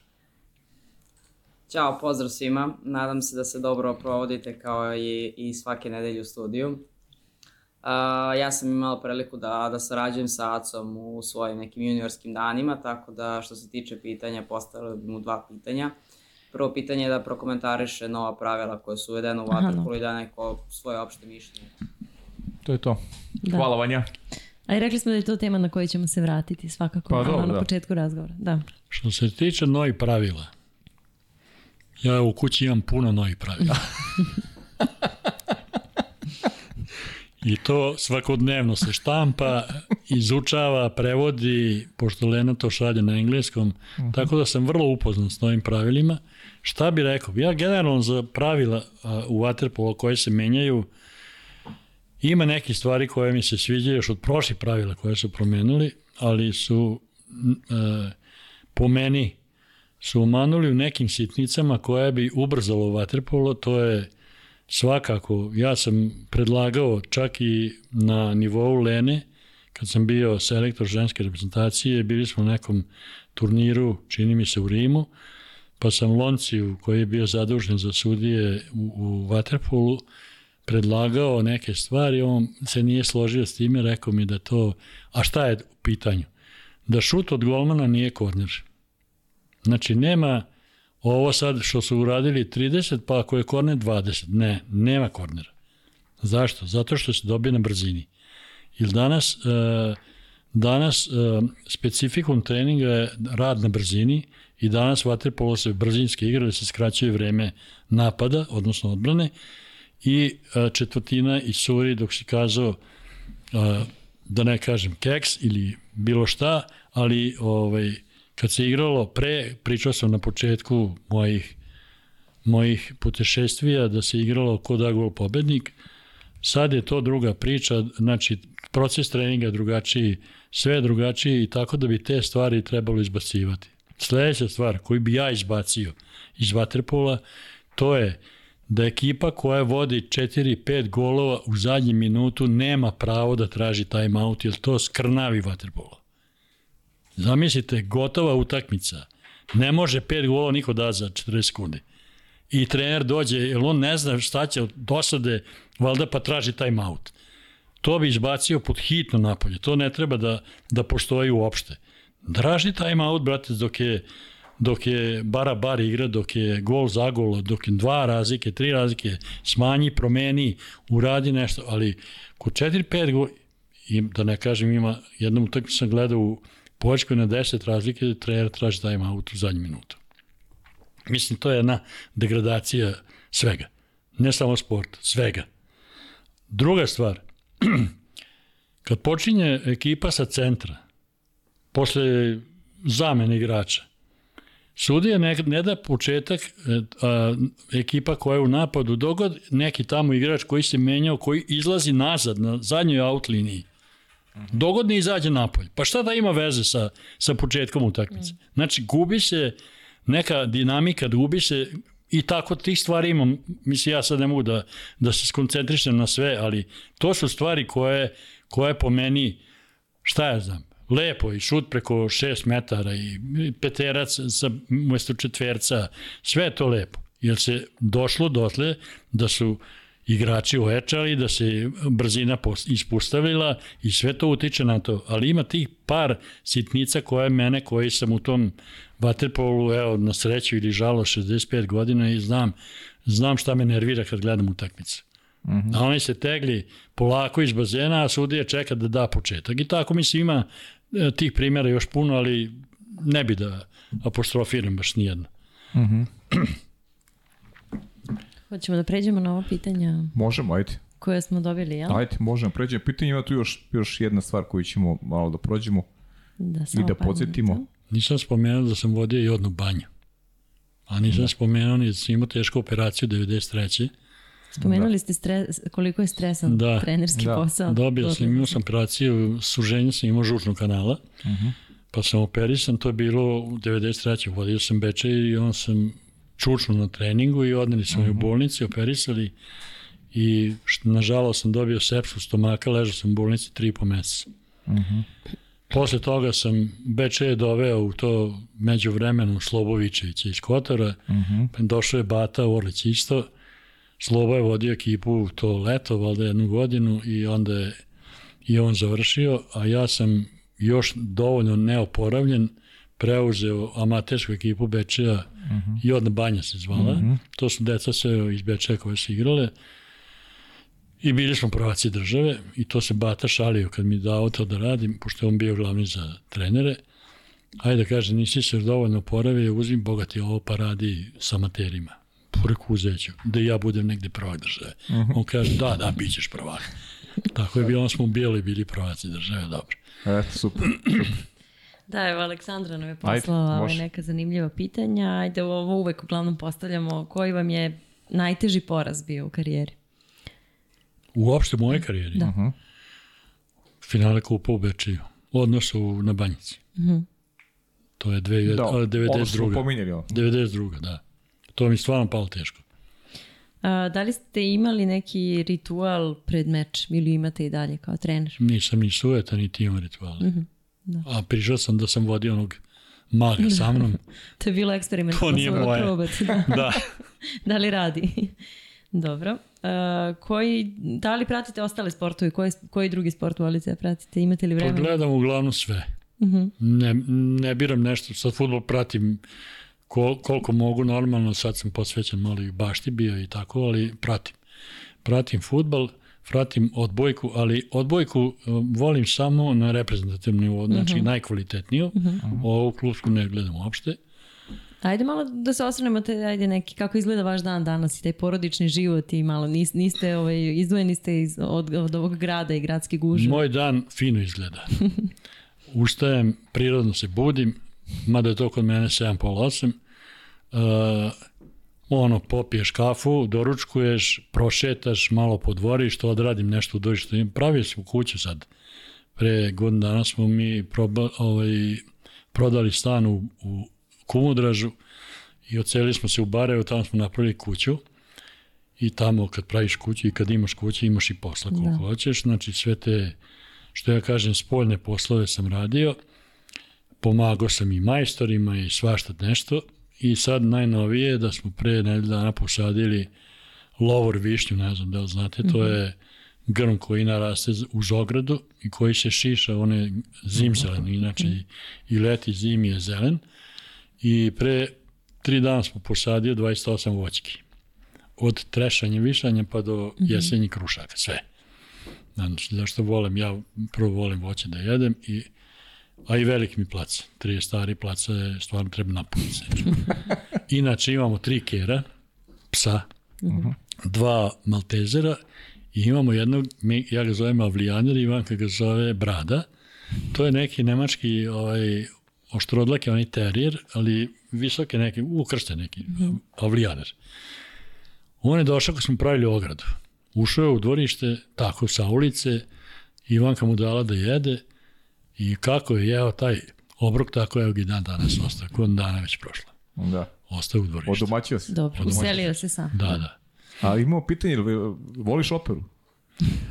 Ima pitanje to. Da, da. Ko to pita? Ivanka? Ne, ne, ne pita Ivanka. Ne pita, pa ne pita Ivanka. Dobro. Ivanka nije postavila pitanje. Pa za pravo čudo volim operu. Sada, zbog Ivanke sad, sada? Pi, zbog Ivanke, naravno, tako sam počeo da gledam operu. Ja operu nisam... Da idem u Beči u operu.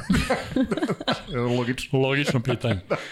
Znači, ovaj, prvi put kad sam došao, ne, lažem, pre nego što sam do, došao u Beči, u Beograd, sam ja dolazio u Beograd, naravno kod Ivanke i dolazio sam i u operu. Uh -huh. Meni jedina, ne jedina, nego opera koja se meni najviše sviđa Carmen, pošto je to uh -huh. Živo, živo, živahna opera, uh -huh. puna je, raspevana je, puno ima i Trubadur. Recimo, uh -huh. Trubadur volim zbog hora. Uh -huh. Hor mi je hor mi je, onaj hor je vreja, recimo kad ima, kad se peva, to je baš uživanje gledati i slušati. Uh -huh. Tako da u suštini volim. Uh -huh. Neke opere gde sam jednom gledao, rekao sam nemoj me više ni zvati, ima i takve opera. Uh -huh. Uglavnom, e tako. I ne gledate dva puta isto? Ne, nikada. Nisam gledao, Carmen sam gledao dva, tri uh mhm. -huh. puta, ali ove ne, nisam. Uh -huh. E, ali tačno ovaj, za, ajde pričao si kako je to živjeti sa sudijom, je tačno za finalu u Atini, ovaj, da si ušao u pres centar i, i, i rekao uh, vi uživate, nemate pojma da šole ne brani, da, nego brani Tadić. Tačno da. to? Jeste, ja? Uh -huh. Našim novinama sam rekao. Da, da, da. A tamo su bili Dule, Dule Korać, pokojni, onda ovaj Cimer, uh mhm. -huh. Slatoje Marić, pa onda onaj Garčević iz Novog Sada. Bilo je 5-6 uh -huh. novinara tamo. Uh mhm. -huh. Pošto ja imao onu presakreditaciju u Latini. Aha. Išao mhm. sam kao trener da gledam, ali sam nabavio presakreditaciju i onda sam mogu da uđem u taj pres centar kad god hoću. ali sam, znam to, taj slučaj. Uh -huh. Znači, obavestio si novinare. šta, šta se dešava? Kad ne znaju. e, Ali ne bih ti rekao kako sam ja čuo tu priču. Pa dobro, ajde, ako, ako nećeš. ako ne biste. da. Imali nešto da nismo Atina, već prošli? Atina me razočarala što tiče da je Matutinovića. Mislim, Aha, Dragana. Da. Ta me, ta me utakmica toliko bila odvrtna posle kraja, bez obzira mi osvojili tamo uh -huh. to zlato ali Matuta se toliko, a bili smo klubski drugovi, on je Murnaru radio godinama, ja Bečej. Uh -huh. To ti najgore kad s takim ljudima, sa Nevenom Kovačićem recimo, ja sam bio nerazvojen kad dođem uh -huh. i u Bečeju u Split, mislim, mi smo se družili do zla Boga. Ali smo ti šest utakmica što sam rekao da smo pobedili, a jednu izgubili. To smo izgubili od Nevena Kovačevića i Jadrana. Uh -huh. Zašto? Zato što se posle ispostavilo da Jadran Kotekst mora da bude prvak države, da bi tata Bezmalinović plaćao reprezentaciju. Mislim, tako je išlo. Uh -huh. Ide i danas, vjerovatno, ne znam. Uh -huh. Ali to je, mislim, to, to mi je uh, onaj ružni deo Waterpola koji ne volim puno da pričam o tom. Da, pa dobro, ima... ima... A što se tiče sudije u kući, pa šta mislim najlepše je to? Da, ima ko, ima ko da pa sudi. Da. Ja sad, ja, sad, ja, da, A? ja sad nju taksiram, recimo, kad je sudi u Šabac, ne znam, Novi Sad, uh mhm. -huh. ovaj, Đao Kragujevac, Niš, ja taksiram i gledam. Ovaj, uh mhm. -huh. I onda posle diskutujemo, naravno, nekad, ovaj, kada je prisutan i drugi sudi, nekada mu dođem kući. Uh mhm. -huh. Ali vrlo korektno, ja njoj kažem danas nisi ni zašta bila, a sutra kažem bila si odlična ili dobro je bilo. Da. Što? Pa to je pošteno. E, i, i, i ovaj podatak, i ovo Goranu treba čistitati e, što dva bečeci imamo u represivnoj selekciji 2006. godine kod Miloša Korolije. E, Marko Ićitović i Luka Bošković. Ili to, pa i to je, da. Ili to Goranu treba da čestitamo? Goran je, Goran je posvetio sebe ovaj, uh -huh. toj, toj generaciji 2005-2006. Uh -huh. U njemu je prva ekipa od tog, od tog Satkana. Uglavnom. Da. Ima dva, tri starija ovo.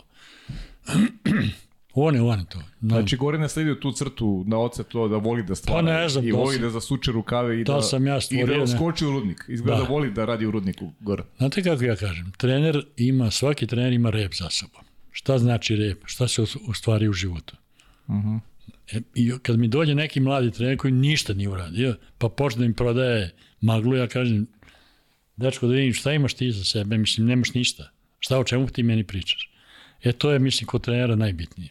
Uh -huh. Šta imaš iza sebe i po tome se ljudi i cene i mene u ovim godinama traže da, sad sam ti otkrio pitanje, uh -huh. da idem da radim. U ovim godinama, znači, ali ja se osjećam da mogu da radim. Tako da sam u dilemi, nisam Ali odlučio. Ali vi ste trener Beče. da. No dobro, to, to pa to sa Gordon može se dogovoriti. To je za srpske okvire.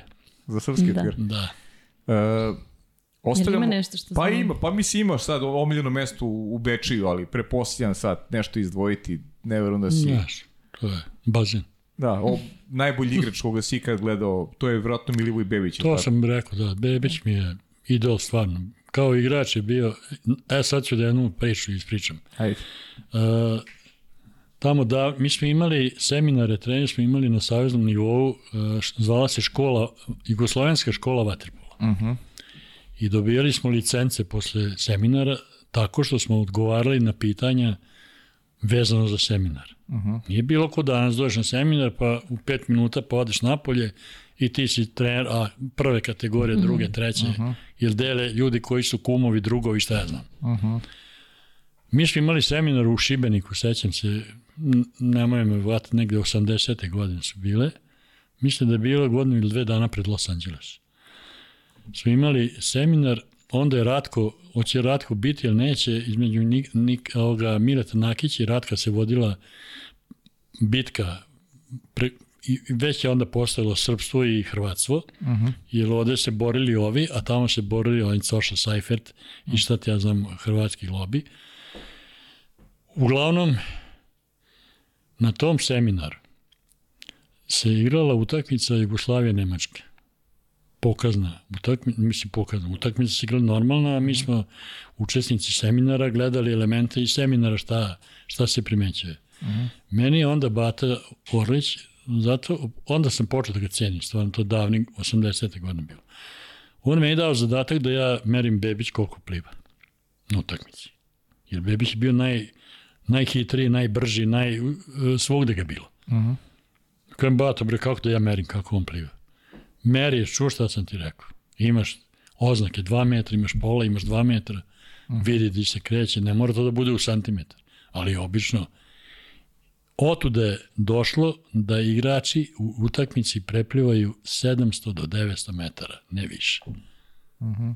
Kad sam Bebića ja testirao. prepliva je lupom sad na pamet oko 680 metara. Mhm. -huh. A on koji se najviše vrti, se ovi ostali igrači. Šta ovdje da kažem? 80% je igrači ovaj, su u, u vertikali u vodi, a 20% su u, u horizontali. Horizontali. Jer svaki put prepliva od 2 do 2 i stane. Da li da baci, da li da šuta, da li da ne znam. E. To se recimo, to je podatak koji se nije znao dotle, uopšte.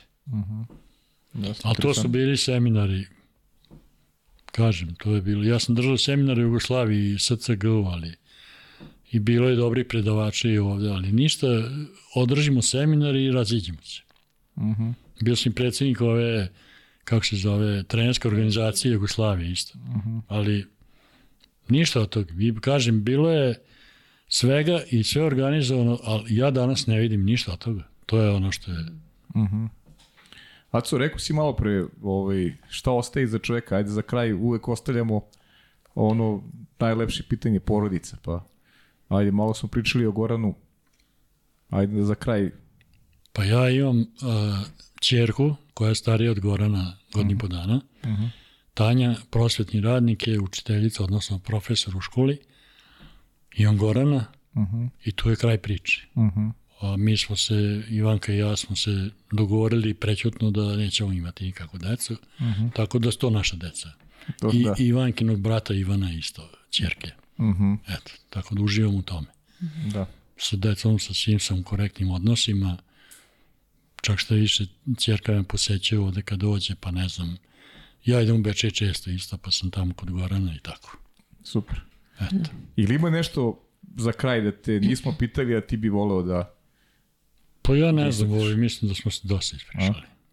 ispričali smo se lepo. Pa samo bi još jednom da pohvalim vas, vaše napore da se ovaj vaterpolo čuje, vidi. Mene, mene samo ovaj, zabrinjava činjenica ta što kod nas nekako nema ko da pokrene ili nismo zainteresovani, ne razumem uopšte. Ratko Rudić je svake nedelje na televiziji Hrvatske imao četvrtkom u 3 sata popodne sat vremena vaterpolo gde je pričao o pravilima, o ovome, o onome, znači vaterpolo je bio živ u Hrvatskoj. I te godine su osvojili svetsko prvenstvo. Što je da kažem? Znači, bez toga nema ništa. Mora inicijativa. Nema, inicijativa mora da postoji i to je to. Ali ja ne znam ko, daje, ko možda da inicijativu, nemam pojma. Neka bude toplo za ljude koji se Nadam se da će Jugoslav, vaterpolom. pošto je Jugoslav igrao i zna i organizuje Kragujevac, eto, nek prenese samo toliko u saveze da će biti dobro. Eto. Eto, prenećemo mu Pa da. tvoju poruku. Bez pritiska Jugoslavije Da, samo. da, Da. prenećemo tvoju poruku i neka bude više ovi ti koji će da se pobrinu da malo Jeste. bude vaterpolo zastupljeniji u medijima, eto. Da, uh, Pavle, hoćemo nešto da najavimo, da pričamo nešto Pa ajde. od prilike makar. Pa od prilike, ajde, možemo, malo ćemo imati, se sledeći kolega jedan da nam bude gost sledeće nedelje. Da, Tako da vidimo malo kako to funkcioniše u drugim vaterpolo medijima, da, da Tako je, probamo da. da. se ugle- ugledamo jedni na druge, da Pa pomognemo da, jedni mislim drugima. što da ne, da pomožemo Da. jedni drugima, sarađujemo svako, tako da je biće interesantno čuti eto i tu stranu medalje. I da malo pričamo o tom, ajde da kažem, regionalnom derbiju u Ligi šampiona sledeće nedelje koji nas očekuju. Tako je, možemo pričamo malo o aktualnim temama. Da.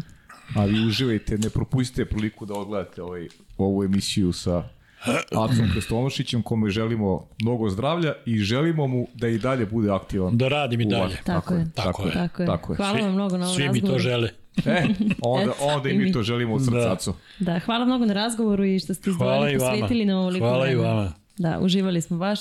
Uh, ništa, da pozovemo ljude da nas i dalje prate na, na svim društvenim mrežama, sve što ste propustili iz sveta Waterpola, zanimalo vas je u poslednjih nekoliko sedmica, imate na našem YouTube kanalu, naravno pišite nam na društvenim mrežama, na Instagramu smo kao i uvek najaktivniji, da se zahvalimo Pavle samo još jednom Sari i našoj Aleksandri, koje nam zdušno pomažu, iako možda fizički evo poslednjih nekoliko epizoda nisu u studiju. Uh, hvala i vama što nas pratite i vidimo se i slušamo sledeće sedmice.